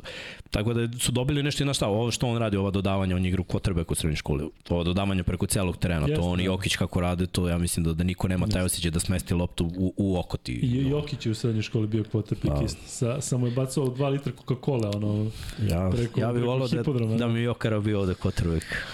Yes. Prosperirao bi. Da pređem i na Jokaru, ali iz ugla Bostona i Majamija. Šta misliš, ko je bolji? Ja se nadam da će Denver proći u finalu. Koga bi više volao u finalu sa Denverom u smislu da ga čuva Horford da ga čuva Adebayo? Horford je toliko Ali nezgodan. neće Horford sam da ga čuva. Neće Ajde da gledamo tela ukupno. Znači Williams i Horford. Da. Da. Onda je bolje da bude samo ovamo jedan na Debajo. Debajo je Da. 2.06 i dosta je sitniji. Znači s njim može da se igra fizički. Ali On jeste Jokiću atlet. ne odgovaraju ti koji mogu da ga drže, koji su jako stabilni, koji su jednostavno fizički Pa nije Adebayo Da toliko jak. Adebayo zapravo da. imao dosta problema sa klasičnim peticama. Jer on je četvorka, on je hibrid, on je kao i Al Horford. On, znaš, pritom mislim da je Horford mnogo stameniji. Jer u posljednjim godinama je dobio malo na masi i naravno mnogo namazaniji i iskusniji defanziv. Pritom, znaš šta je veći problem? Uopšte ne dovodimo u pitanje čuvanja Jokara, jer mislim da je to nemoguće u ovom play Ovo je njegov playoff. Jeste. I igra ga savršeno i najbolje u ovom playoffu, ubedljivo od svih igrača. Čovjek ima se triple ako double u proseku. može da parira nakon onoga što smo videli sa Embiidom, da je to Horford zato što ima toliko iskustva i jednostavno je vrlo inteligentan. Adebayo ide na to, dakle, svaka mu čast. Ali iz ugla, znaš, ako neko može Jokića da poremeti, meni delo da je to iz ove ekipe koja ostala Horford. Možda, ali znaš šta mene više plaši kod Šta? Bostona? To što će bekovska linija jako dobro da pokupi sve ove izlazne, i sva ova izlazna dodavanja, sva backdoor utrčavanja, znači neće biti toliko otvorenih šuteva za tri. I Boston nema tendencije da previše udvaja. A Miami ima. I onda ako gledamo iz tog ugla, možda je bolje ovako, ali sad ti defanzivno onda treba da nađeš čoveka koji će da čuva Jimmya. To bi mogao Brown da bude. Ja, oba Browna bi mogli to da budu, jer su, da kažemo, tu negde na pozicijama 2-3 KCP, tako da, da se troši više ljudi, više tela. I, i to je to. I naravno da, da Miami u ne krene šut. Ali oni defanzivno slabije brane ne, nego Boston šut za 3, a Denver malo živ, je počeo da živi od toga. I Da. da. kad im ide, ide. Ali kad im ne ide, Jeste. može da bude problem. Za kraj miksa tvoja prognoza, dakle u seriji sedam utakmica smo rekli, ko prolazi u toj sedmoj? Ja sam rekao Boston, ti. Ja sam isto rekao Boston. Dakle, Boston sam za prognozirao sada, za, tako. za finale. Znaš. Da. Deluje mi da su kompletni i imaju ove oscilaciju u igri. Ne mogu da ih objasnim. Znaš, nije mi jasno zašto nemaju ono 100% zalaganje, e, kako ne shvataju, jesu mladi, ali ne znam kako ne shvataju da im je ovo moment. Bili su prošle Jeste. godine u finalu i treba da su ozbilji i da daju sve od sebe. Ja vidim da u Americi nešto projektuju kao finale, kao iz Babla, Lakers i Miami, tada je bilo 4-2, pa tu nešto oni već unapred govore, što mi deluje prilično smešno. Za mene su bitni ti faktori van terena u smislu da Boston zaista ima bolju publiku nego Miami.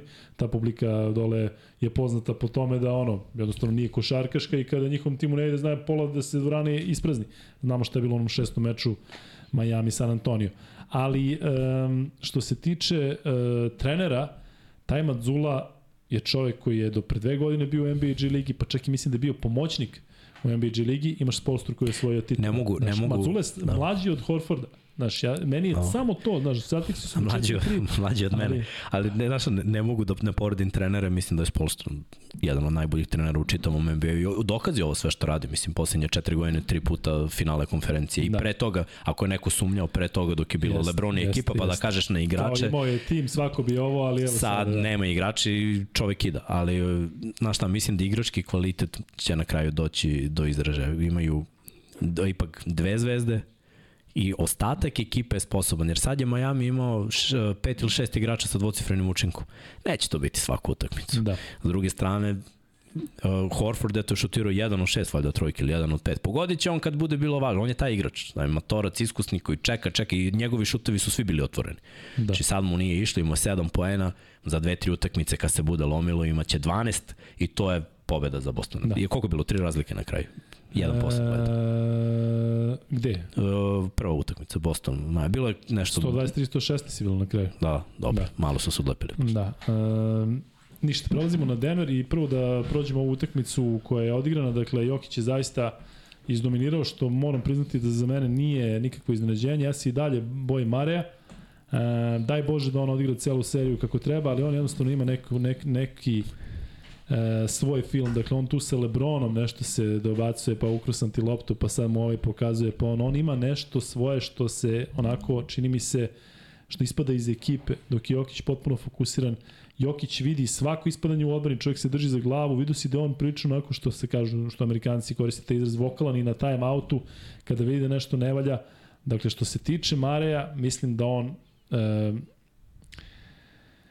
previše individualno rešava neke stvari, a pored sebe ima, dakle on vidim da Lebrona vidi kao Gouta i sad ja s tobom imam nešto, šta god da je, to vidim da je onako malo čak i neko No. zezanje, a ne vidiš da sa Goutom možda igraš u ekipi čoveče, kažem to ono sa odbranom, ne znam da li si vidio odbranu, neste igrao sa pet faulova, ali ono Jeste, njegovo da. preuzimanje, dakle Reeves, ono što je pogađano na trojke, mene to ozbiljno plaši. Da, ali to, to je ovaj, jako teško tražiti od njega da, da bude i ofanzivno i defanzivno prisutan. Mislim da je da je to mali problem. Mislim da i Melon sa njegovim malo pristupom kako bodri ekipu Drugačije ti kad ka- daš slobodu Jokari, on će da prihvati to što si mu dao slobodu, ali da napravi najbolji potez na terenu i da uključi svoje saigrače. I On je to rekao na... da u poslednjoj četvrtini, ako je to potrebno ekipi, ne šutne ni jedna. Tako je, ali će dodati kad treba, znaš. I Jokić je to rekao na konferenciji za štampu. Krenuli su se malo na individualna rešenja u drugom poluvremenu. A dok su timski igrali, Denver je najbolji tim, ono, najbolja timska ekipa. Jeste. Najbolje igraju timski. I oni kad igraju timski, niko ne može da ih dobije. I kad su igrali timski u prvom poluvremenu, sasuli su 70 i vodili su 20 razlike. Da. E, onda su Lakersi napravili promenu u odbrani, malo su promenili taktiku i Denver suočen sa nekim promenama koje očigledno nisu prepoznali na pravi način, se okrenuo na individualna rešenja. Umesto da lopta teče, umesto da se dalje svi kreću, da pokušavaju da se otvore, bilo je, ok, ja ću dribbling, side step, step back, pa ću da pljasnem, pa ću da probam ovo, pa ću da probam ono, pa je Jokić forsirao neka dodavanja, čovjek mora da proba nešto, izgubio je loptu. Jamal je meni odigrao vrhunsko prvo polovreme. Problem, problem je bilo drugo polovreme. napadački. Ali ja I kažem, koliko ovo- puta smo se ti i ja ovde plašili za Denver zbog tog njihovog, takođe kao i Boston, opuštanja. Jeste. Koliko, Koliko je? je? smo bili, koliko su poena primili i generalno ekipa koja je defanzivno uopšte nije na nivou najboljih tima zapada. Pazi ovo, skoro 260 poena na tekmu. Jeste. Ne možeš da, mislim, ovo su 258. dobili, jer, o, i procenti šuta su bili nerealni. Jeste. Fazom strani. 55% iz jedne i za druge. A ovi, Da, da. Denver šutno 90 puta, ovi šutnuli skoro 90 puta. Stvarno svaka čast, baš je bila ofanzivna utakmica, ali neće biti takva druga. Sumnjam da će još neka u, u seriji biti ovakva, da Sigurno, jedno to- i drugo zna, ekipe... Zna često prva utakmica da bude tako da se jednostavno sve ulazi i onda idu finese u nastavku serije. Jokić 34 pojena, 21 skok, 14 asistencija. Jokić je čini mi se već posle prve četvrtine imao nešto double-double, Imao je double double, asistencija. da. 12 skokova imamo Da, posle 12 prve. skokova. Ali znaš šta je Denver uradio dobro u prvom polovremenu? Uh, imali su 36-13 skokove. Uh, više imao Jokić skokova nego što je imala cela ekipa Evo, Los Angelesa. Da. Da. Više su oni imali ofanzivni skokova nego cela da. ekipa Los Angelesa ukupno skokova. Tako da ono, zatvorili su ih na neki način, probali su Lakersi da igraju sa manjom petorkom, ne, ne, poučeni oni šta su radili Golden State, ali to je ono što smo mi pričali. Ne možeš da igraš Golden State je mala ekipa, oni su sitni. Ovamo imaš i Gordona i Portera juniora, svi su dugi, svi su jaki, svi su krupni. Ne možeš da igraš tako. E onda su oni malo promenili neke stvari.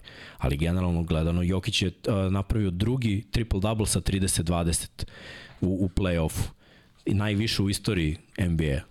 Da. Samo jedan imao Wilt i mi, ne znam ko je taj treći koji ima dalje Oscar Robinson ili je Robertson ili, i ko? Za, zašto govori? Za triple double 30-20 u play-offu. Neko je još imao jedan. Znači samo su da. bila četiri u istoriji, a Jokić ima dva od ta četiri. Mislim da je znači, Hakim. Moguće da greši. Bila je, bila je, ovaj, pustili su oni tu sliku, ali sam ja zaboravio. Vilta sam zapamtio, a ovo drugo sam zaboravio. Eto, ko zna neka piše, oprostit će nam što ne znam, ali svakako prvi je Jokić ima dva, mislim, jeste, od četiri jeste. ukupno da, koje su se desile u istoriji. Malo statistika u poslednjih 25 godina, niko nije zabeležio u play-offu. Dakle, on no. pomera granice i to radi nevjerovatno. Ima da prosek, misliš... triple-double, ima ih šest u play-offu. Naj, misliš... najkonstantniji, naj, najbolji igrač ovog play-offa je on. Ili misliš da može da nastavi tako do kraja? Može, jer ne, o, to ono što sam pričao. Davis je uh, lak Davis jeste dug, ali je lak. Jesi vidio onaj spin na zakucavanju? Da, da. I svaki put ako uđe u njega ramenom, znači moraš da ga hraniš na niskom postu. Davis je prvo svilen. Ajde da krenemo od toga. On je vrhunski atleta ali previše slab, nema, nema snage da igra s njim. Znači mora udvajanje. Oni su onda promenili da ga Hačemura čuva, da ga troši, a da Davis bude na strani pomoći da. i da pomaže. I da, da ga teraju tako da se uslobađa lopte. Samo me zanima da vidim kako će Denver da odgovori na to. Pa kad je Jokić bio van trojke, Davis je izvlačio, ostavljao prazan reket što otvara blok za, za trojku izlaz ili utrčavanje unutra iz tog napravljenog bloka i sve to Jokić video asistirao i za trojku i ovom igraču koji ulazi pod koš na prazan reke da nema Antonija Davisa. Tako da ono, ja nisam ni mislio da će Davis da zustavi Jokića, a nisam ni verovao da će Jokić da zustavi Davisa s druge strane, jer sam znao da će ovaj da živi od bacanja i polu distance I to je najpametnije da mu ostaviš. To je jedan igrač koji nek, nek bude on izvrstan, neka bude fantastičan taj meč. Ali ono što treba da im ostaviš... Je, kada govorimo o statistici, Davis je... 40-10. Tako ono, je, dakle on je bio najefikasniji tu, je, dakle double-double sa 40 poena, ali... Troši mnogo lopte, šutira za dva, znaš. A onda ono što drugo oni hoće da šutiraju trojke, nisu trojkaška ekipa. I D'Angelo Russell nije pogađao trojke i mučili su se malo i tek na kraju im je krenulo, ali to je, malo su bile greške, da rekao si, nisu preuzimali Ostavljali su im. Ne smeš da im ostaviš otvorenu trojku. Da. Samo malo zasmetaj. I oni će biti, da kažemo, ispod 40% i tim se lakše žive. Lebron nije pogodio ni jednu trojku, isto. Jes, da, on voli da šutira, vidio si koliko je puta dizao ono njegovo što je ponekada i ne ne toliko rezanski. Znaš šta mene s neke strane plaši? Što mislim da Denver nema čime da iznenadi Lakers. Ti sad rekao, vidjet ćemo kako će odreagovati novo. Lakers već si možda vidio da se sada tu sprema možda Hačimura da startuje u petorci. Sigurno Imaš opciju recimo od Anđela Rasela koji zaista može da eksplodira. Ne vidim ko može nešto da odradi više. Dakle, meni je Jokić jedini tu za koga mislim da možda i 50 ako treba, ali ne vidim taj neki X faktor. Bruce Brown je odigrao dobro, ali je odigrao na svom nivou, svaka mu čast, ali to njega očekujemo sa klupe. Dakle, kontra, defanziva, ofanziva, video si on je zaista pokida. -huh. Misliš ko je podbacio? Neko je Ili ko bi mogao da tako je, dakle, malo ne vidim, pojača. Ne vidim, Mare je odigrao svoje, Just. Porter je odigrao svoje. Pa Gordon je odigrao svoje, toliko. Mo, toliko. Jer se trošio defanzivno, promaš, mogao bi... Promašivo je slobodno bacanje, to je nešto što može definitivno da bude bolje. No. Dakle, to je apsolutno nešto što je onako, ali ne znam da li I to može bi... napravi promenu ovo. Ti imaš Lebrona koji je Naravno. odigrao jako dobro. Lebron je konstantan ovoj play-off. Nije Jest. izvrstan, ali je konstantno dobar. Ali mislim dobar. da može i on da se digne na još više nivo. Znaš. Pa mogao bi, ali nije to radio za nije, sada u play-offu. Znaš šta, da. mogli bi da koriste te bekove, ja kažem, bekovska linija Lakersa je slaba defanzivno. I da. tu je u stvari prilika. Ni, jeste, Jokić će odraditi svoje, naravno, ali prilika je za sve te bekovi. I Brown je uletao i koristio koliko je bio agresivan i završavao na obruču. Jeste. Zato što ne, D-Low je ofanzivni igrač. On ne igra odbranu. On se sklanja u odbrani. I Reeves je zelen neiskusan. On se trudi, ali vidi se da, da još uvek nije to to Jeste, ali defanzivno. Močko, dečko pokazuje, treba da se pogodi, on je sa onim trojkama sa levi 45 stepeni kažnjava uvek e, obojica, of, obojica ofanzivno, ali Jeste. defanzivno nisu Jeste. tu. E, tu je šansa Denvera. Ka, ako ne bude išlo, ako Jokaru udvajaju, bekovi moraju da odigraju. E sad, da li KCP, Marej i Brown mogu da izdignu svoju igru na taj nivo. Pa čak i Porter. Pa čak i Porter da nekako uh, izdejstvuju taj matchup. Znaš, iz preuzimanja da napadaju njih dvojicu i Šrudera da ubacim kao trećeg beka. Da. Koji je možda čak i najbolji defanzivac u njih trojice, yes, do, dobar yes. je na loptu, on je bar da. agresivan. Ali ova dvojica, D'Angelo Russell igra odbranu kova lopta na meni sada, samo stoji tu pored. Miletova lopta, Mi. da, sa islikanim autogramima. E, Miksa, e, da se vratimo ponovo na Jokića da si ti uh, u koži Darvina Hema, on se uh, tu i šalio, šta će da radi sa Jokićem, ali kako zaustaviti? Ono zaista deluje nezaustavljivo. Znaš kako, probati sa ovim iz drugog poluvremena. Pa da vidimo kuda nas vodi. To, to je, pa probaš, ne znaš gde će da te odvede. Ne znaš kako će Denver da odreaguje na to. Svi su gledali film. Znaš, svako ima sada novu količinu informacija i, i nove taktike, pa da vidimo da li može. Ali definitivno ono što se pokazalo, ponekad ne treba izmišljati točak. Znaš, A ako si našao nešto što funkcioniše, okreće se, radi posao, ajde, idemo tako. Ja mislim Dok da je. Jokić u stanju da, da sve iskontroliše. Dakle, šta god ovaj, mislim da je on pre, u stanju da to prepoznaje unapred. Plašim se Mareja i Portera, više Mareja u smislu da ne krenu da privatizuju utakmicu i da pokušavaju oni da rešavaju završnicu. Cele Da godine, plati- cele godine, brate, se plašim toga. Pa kažem ti, evo vidiš, Marija zaista, e, ne znam da li on može sad protiv Lakersa da bude ovako konstantan. Dakle, mi ćemo imati jednu rupu sigurno, Sigurno, minimum jednu sigurno. u smislu njegovih 4 od 19. Ali znaš šta je dobro? Ali on će i dalje šutnuti tih 19, što je ono što me nervira. Dakle, Jokić imao samo pet promaša, čovjek sa onakvom statistikom, koliko ima 12 od 17. Ti imaš Marija koji je jednostavno njega, ako ide, imam kredit da šutiram dalje. Ako me ne ide, daj da se izvučem, da izađem iz krize. I to je neš- nešto što me plaši. Čini mi se da je spreman u smislu da je fizički, da je sve ono sa povredama iza njega. Jeste. Dakle, Mare je definitivno trenutno e, na, onoj, na onom nivou iz babla, kada je zaista bio ofanzivno nezaustavljiv. Ja se sećam ono protiv UT je bilo Eto, pa 50 tice je davo Tako čovjek. je, sećaš se i oni Mitchell 50 plus. Znaš, kad je uradio onaj u vazduhu 360 i levom Jeste, rukom položio, jeste, tad sam da rekao, au, siguran, ali kažem opet, mislim da on, bojim se, da on potencijalno kada legne sam uveče, da kaže ja sam najbolji igrač ovog tima. Sigurno kaže. A, ve, a i tu je, mu je na tacni najbolji igrač, jedan od najboljih već sada svih vremena. I kažem, ajde da sačekamo tih 2.30. Nećemo raditi, pitali ste nekoliko puta da li ćemo raditi live, nećemo, nećemo još uvijek raditi live, ali ćemo mikse, eto možemo da kažemo da ćemo u nastavku ove serije, nadam se finala, gledati da organizujemo da, Da, da, pa ja- da bude live komentarisanje. Ja, ja bih već sledeće nedelja da probam. Danas Da je baš probamo. bilo ljudi napeto. Ovaj, ja Jeste, da. nisam siguran da ću izdržati do kraja, tek doći ću kući u krevet i pustit ću pa koliko, koliko ću me oči izdrže. Ja žrtvujem, žrtvujem, ne budim se za Boston da bih ovo, znači, pazi, ja to nisam ranije radio, nego već stižu godine i druge stvari, tako da ono, Denver gledam sigurno, a Boston Miami ako bude 6, 7, nešto zanimljivo, tad ću da ustane. Tako da, um, možemo mikse još samo malo o ovoj seriji, dakle, u smislu prognoze, navijački, ajde da ne bude Ne, ja navijački. stvarno mislim da, da će Denver da reši ovo, jer kao što si rekao za Mareja, mislim nije jedini koji ima toplo-hladno momente. Imaju i Lakersi svoje toplo-hladno momente. Od Angelo Russell u prvoj utakmici imao svoj hladan moment i treba očekivati da će on u dve utakmice sigurno imati dobar šut, ali isto tako i Anthony Davis ima jednu utakmicu u seriji slabiju. Ova prethodna je bila neverovatna ali možda će da dođe ta jedna kada neće baš biti sve najbolje. Uh, takođe Hachimura je odigrao vrhunsku utakmicu, a setimo se u prethodnoj seriji da se izgubio na dve utakmice, da ga nije bilo uopšte, šut mu nije išao. Jeste, ali je zato je protiv Memphisa ono sevno kada je bilo najpotrebnije, kada je pogodio ono četiri trojke u Da, da. napada. Ne, ima on utakmice Jeste. koji idu, ali naš, isto kao što očekujem, neće ni Mare da nestane na pet utakmice, nego na jednu, Neće, dve. da. Isto tako neki igrači Lakersa će nestati. Znaš, da li je D'Angelo Russell, Hachimura, da li je uh, Reeves, LeBron i Davis su bili konstanti. Ostatak ekipe se pojavljivo i nestajao po potrebi. Imao je Vanderbilt dobru defanzivnu utakmicu s nula poena. Treba će ono 2 4 poena od njega u, u ovoj seriji. Isto tako će trebati uh, Schroeder da da poen on je i dao nešto, ali zamisli da njega ne krene da da se izgubi sve, sve to može biti nepredvidivo je baš, ali za nijansu mi je bolje Denver jer ipak timski ako igraju su bolji od Lakers. Da. I to je njihov ključ. Samo su zaboravili jednu četvrtinu da igraju timski.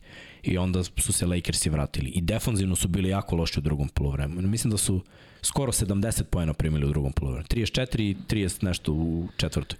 Primili su u drugom polovremenu uh, 72, 38, 34. 38 i 34. Da. Da. Ne možeš, mislim, ne možeš da igraš odbranu i da primiš 38 A i nije dobro da 34. vodiš imaš 21 poen razlike da oni onako brzo i lako. Jeste taj bio tempo utakmice gde može sve da se promeni u 2 minuta u smislu tih serija Da. 9, 2, 11, 3 ili nešto, ali e, Imaju oni- Denvera mene, mene briga. Imaju oni te momente, lako ćemo. Jeste. Da. Ne smeš sa veteranskom ekipom i iskusnim Osam. igračima kao, kao što imaju Lakersi da, da budeš u fazonu, lako ćemo. A pritom imaju neke mlade željne dokazivanja.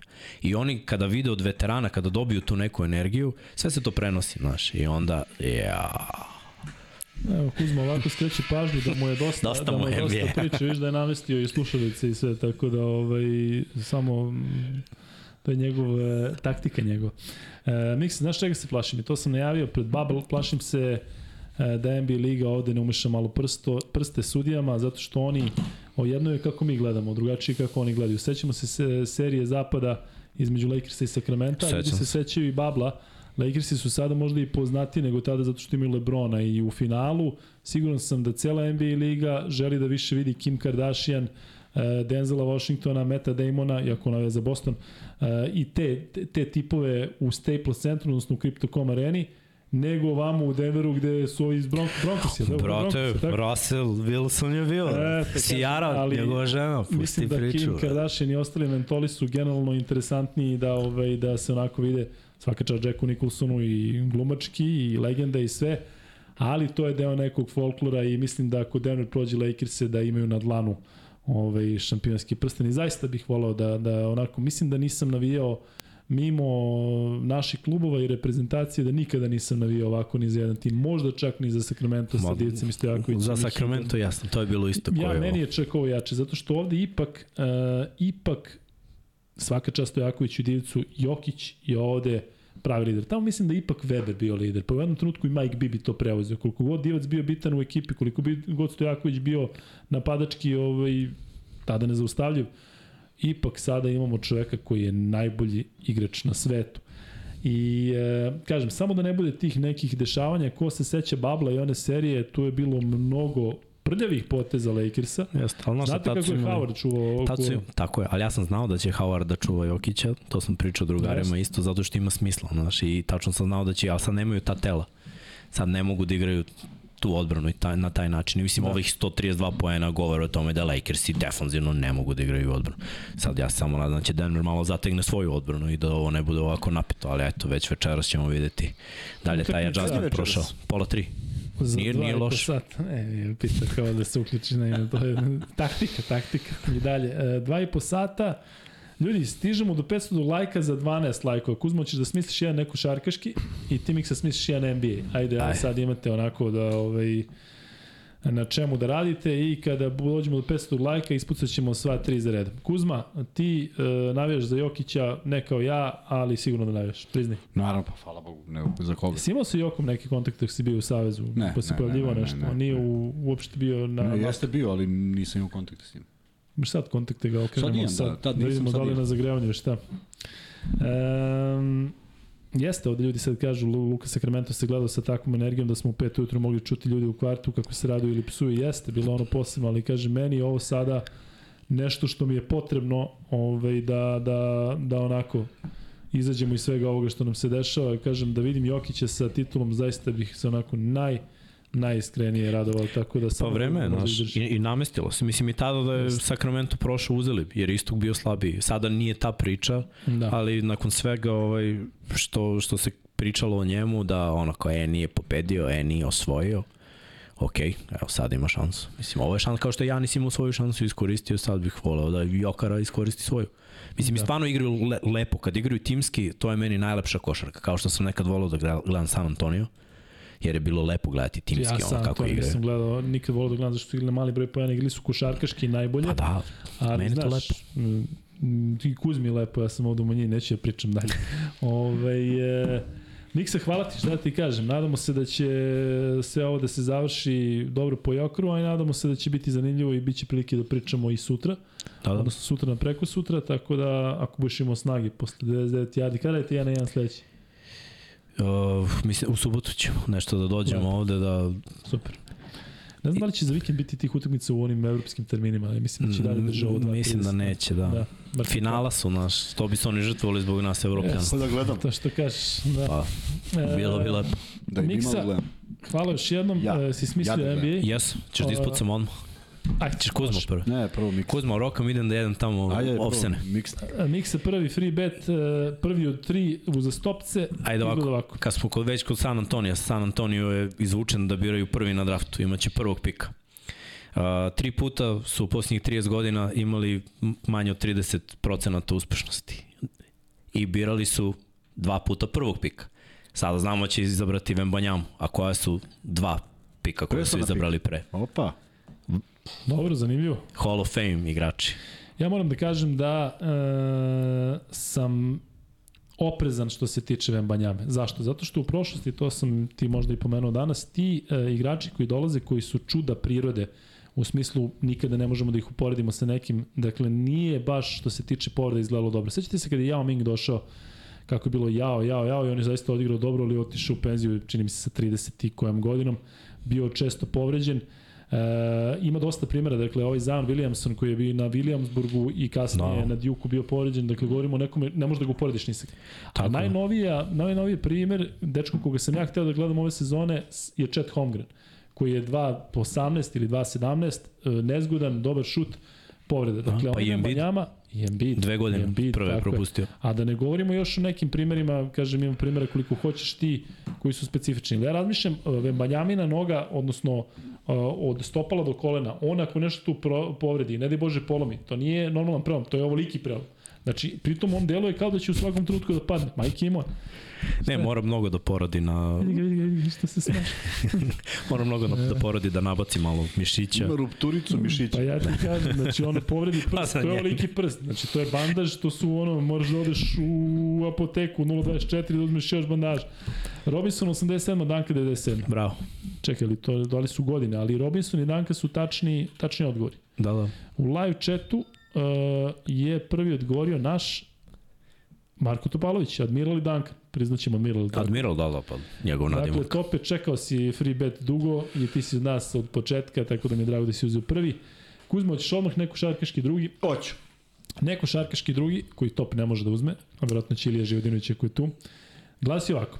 Kako se zove, i sad izlazi, kako se zove se, serija koja je prethodila filmovima Goli pištolj 1, 2, 3, 3, 33, 2, Dva i po 22 i tako dalje. Dakle, kako se zove serija koja je prethodila filmovima Volao si goli pištolj. sa istim junakom, da li serije su još bolje jer su bile potpuno opaljene. Kuzmo voli te parodije, on ima i onu pre Hot Shotsa sa Charlie Sheenom, kako se zove? Ne, imaš, imaš uh, Top Secret, Top si. a imaš prvu, pra, pra, pra, man, The Man Who Called Sarge. The Man Called Sarge. Ali zar nije imali pilotu avionu prva? Ne, ne, ne, one su, one su Još pre. Da, ja mislim da je ovo pre. Čovek zvani narednik je potpuno lud film. Mislim da je u rangu ovih, ali manje, manje dobro prošao. Zana. Ne znam ko je to. Možda je ovaj unapred otvorina kod tam. E, Police Squad. Jeste. Vuk Grbić, dakle, još jedan, e, što kaže Kuzma, dobro poznato ime, dobro poznat naziv. E, dakle, Vuče dobio si drugi free bet, nadam se da si dobro se ove priča turbulentno vreme za nas koji navijamo, za koga navijamo. E, vratit će se Rode, dobar odgovor. E, dobro. Hoćemo treći free bet da ispucamo za kraj. Kuzma, ali imaš još nešto da kažeš ti za kraj podcasta, da najavimo šta, kada radimo sutra, dakle, miksa sutra smo oko ponoći. Pa da. E, Kuzma ima studio do 11, dakle posle drugog e, polufinala i taman malo i onda odmori, tako da se taman namešta da sutra od ponoći komentarišemo drugi meč Denvera koji se igra ove noći i naravno polufinala Oba da, e, ovo, a mi ćemo do tada možda i uzeti karte za Podgoricu pa ćemo znati tačno kad sledećemo da možete nas dočekati ono vodenim topovima i Tako je. u ma, Sve- sve ma, što ma, masa da se okupi, da. A inače, ovaj... Stavi mozak sad. Možete da pustite pol, da li hoćete da treći free bet bude neko šarkaški ili košarkaški, da imamo šta ljudi A, inače, treći. ovaj, da, u ovo vreme dok smo mi radili podcast, bilo je na Sport klubu emisija koju možda pogledate interesantna je, dugo niste videli te ljude, pretpostavljam, Vlada Dragutinović, Luka Pavićević, ja i e, domaćin Igor Miklja, pa eto, pogledajte, ima mnogo interesantnih tema i mislim da je prilično dobro prošlo. Jel si se osetio malo izdajnički kad tako odeš negde pa pričaš nešto što nisi ovde, ne, ti onako mirno spavaš? Ne, ja pričam sa isto, isto što i ovde pričam. Jel Moraš, Potpuno isto. moraš Jamesona da se narukaš na terasi Potpuno da isto mirno pričam. Ni, ni jednu reč ne promenim. spavao. E, I gledaš u telefon sigurno tu kad priča.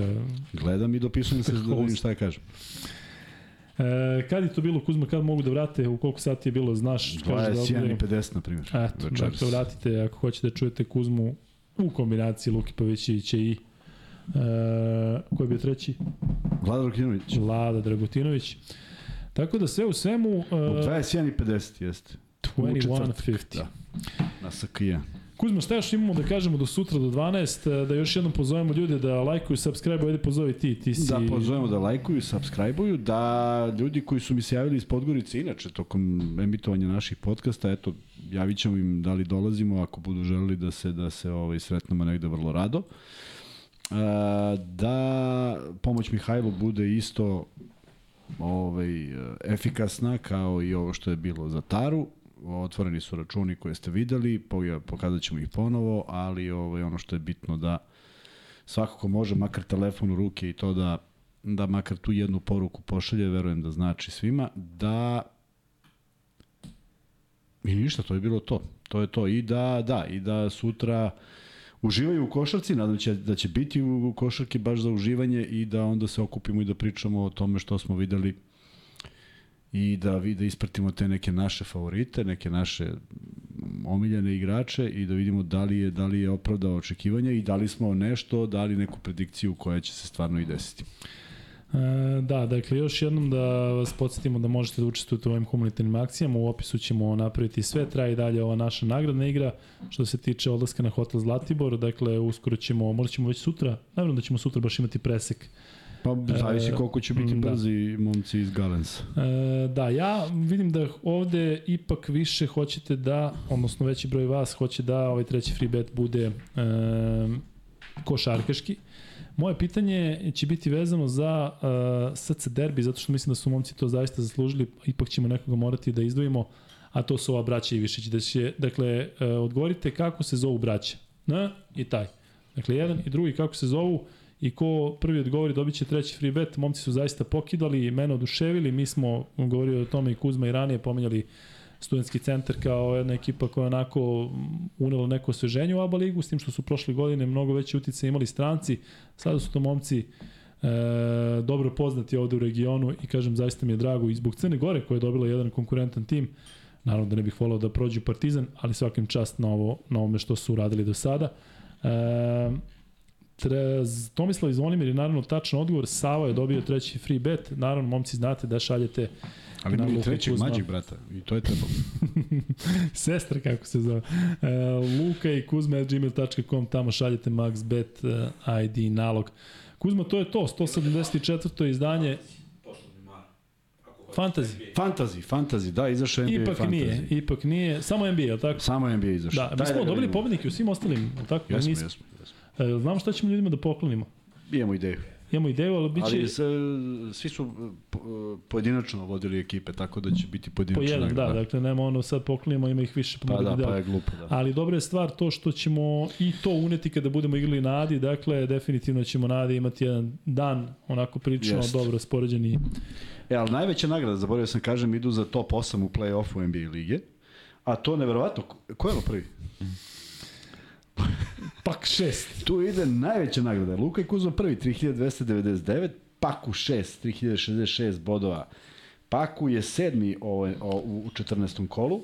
Hit je na četvrtom mestu i prvi, vidiš koliko je skočio hit, skoro 3000 bodova. Osgilat, Hananci, Stavrosili, Eskadrila.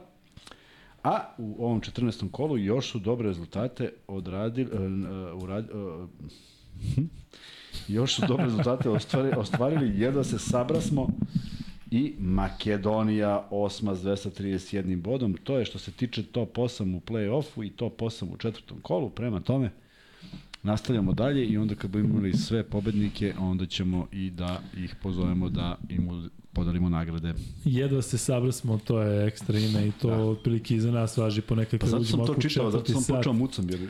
A Makedonci to su moji, nema šta to, ovaj, one ekipa iz Kumanova. Momci i devojke, hvala vam što ste bili i danas sa nama i vidimo se u ponoć, eh, petak na subotu kada radimo 175. podcast. Ćao!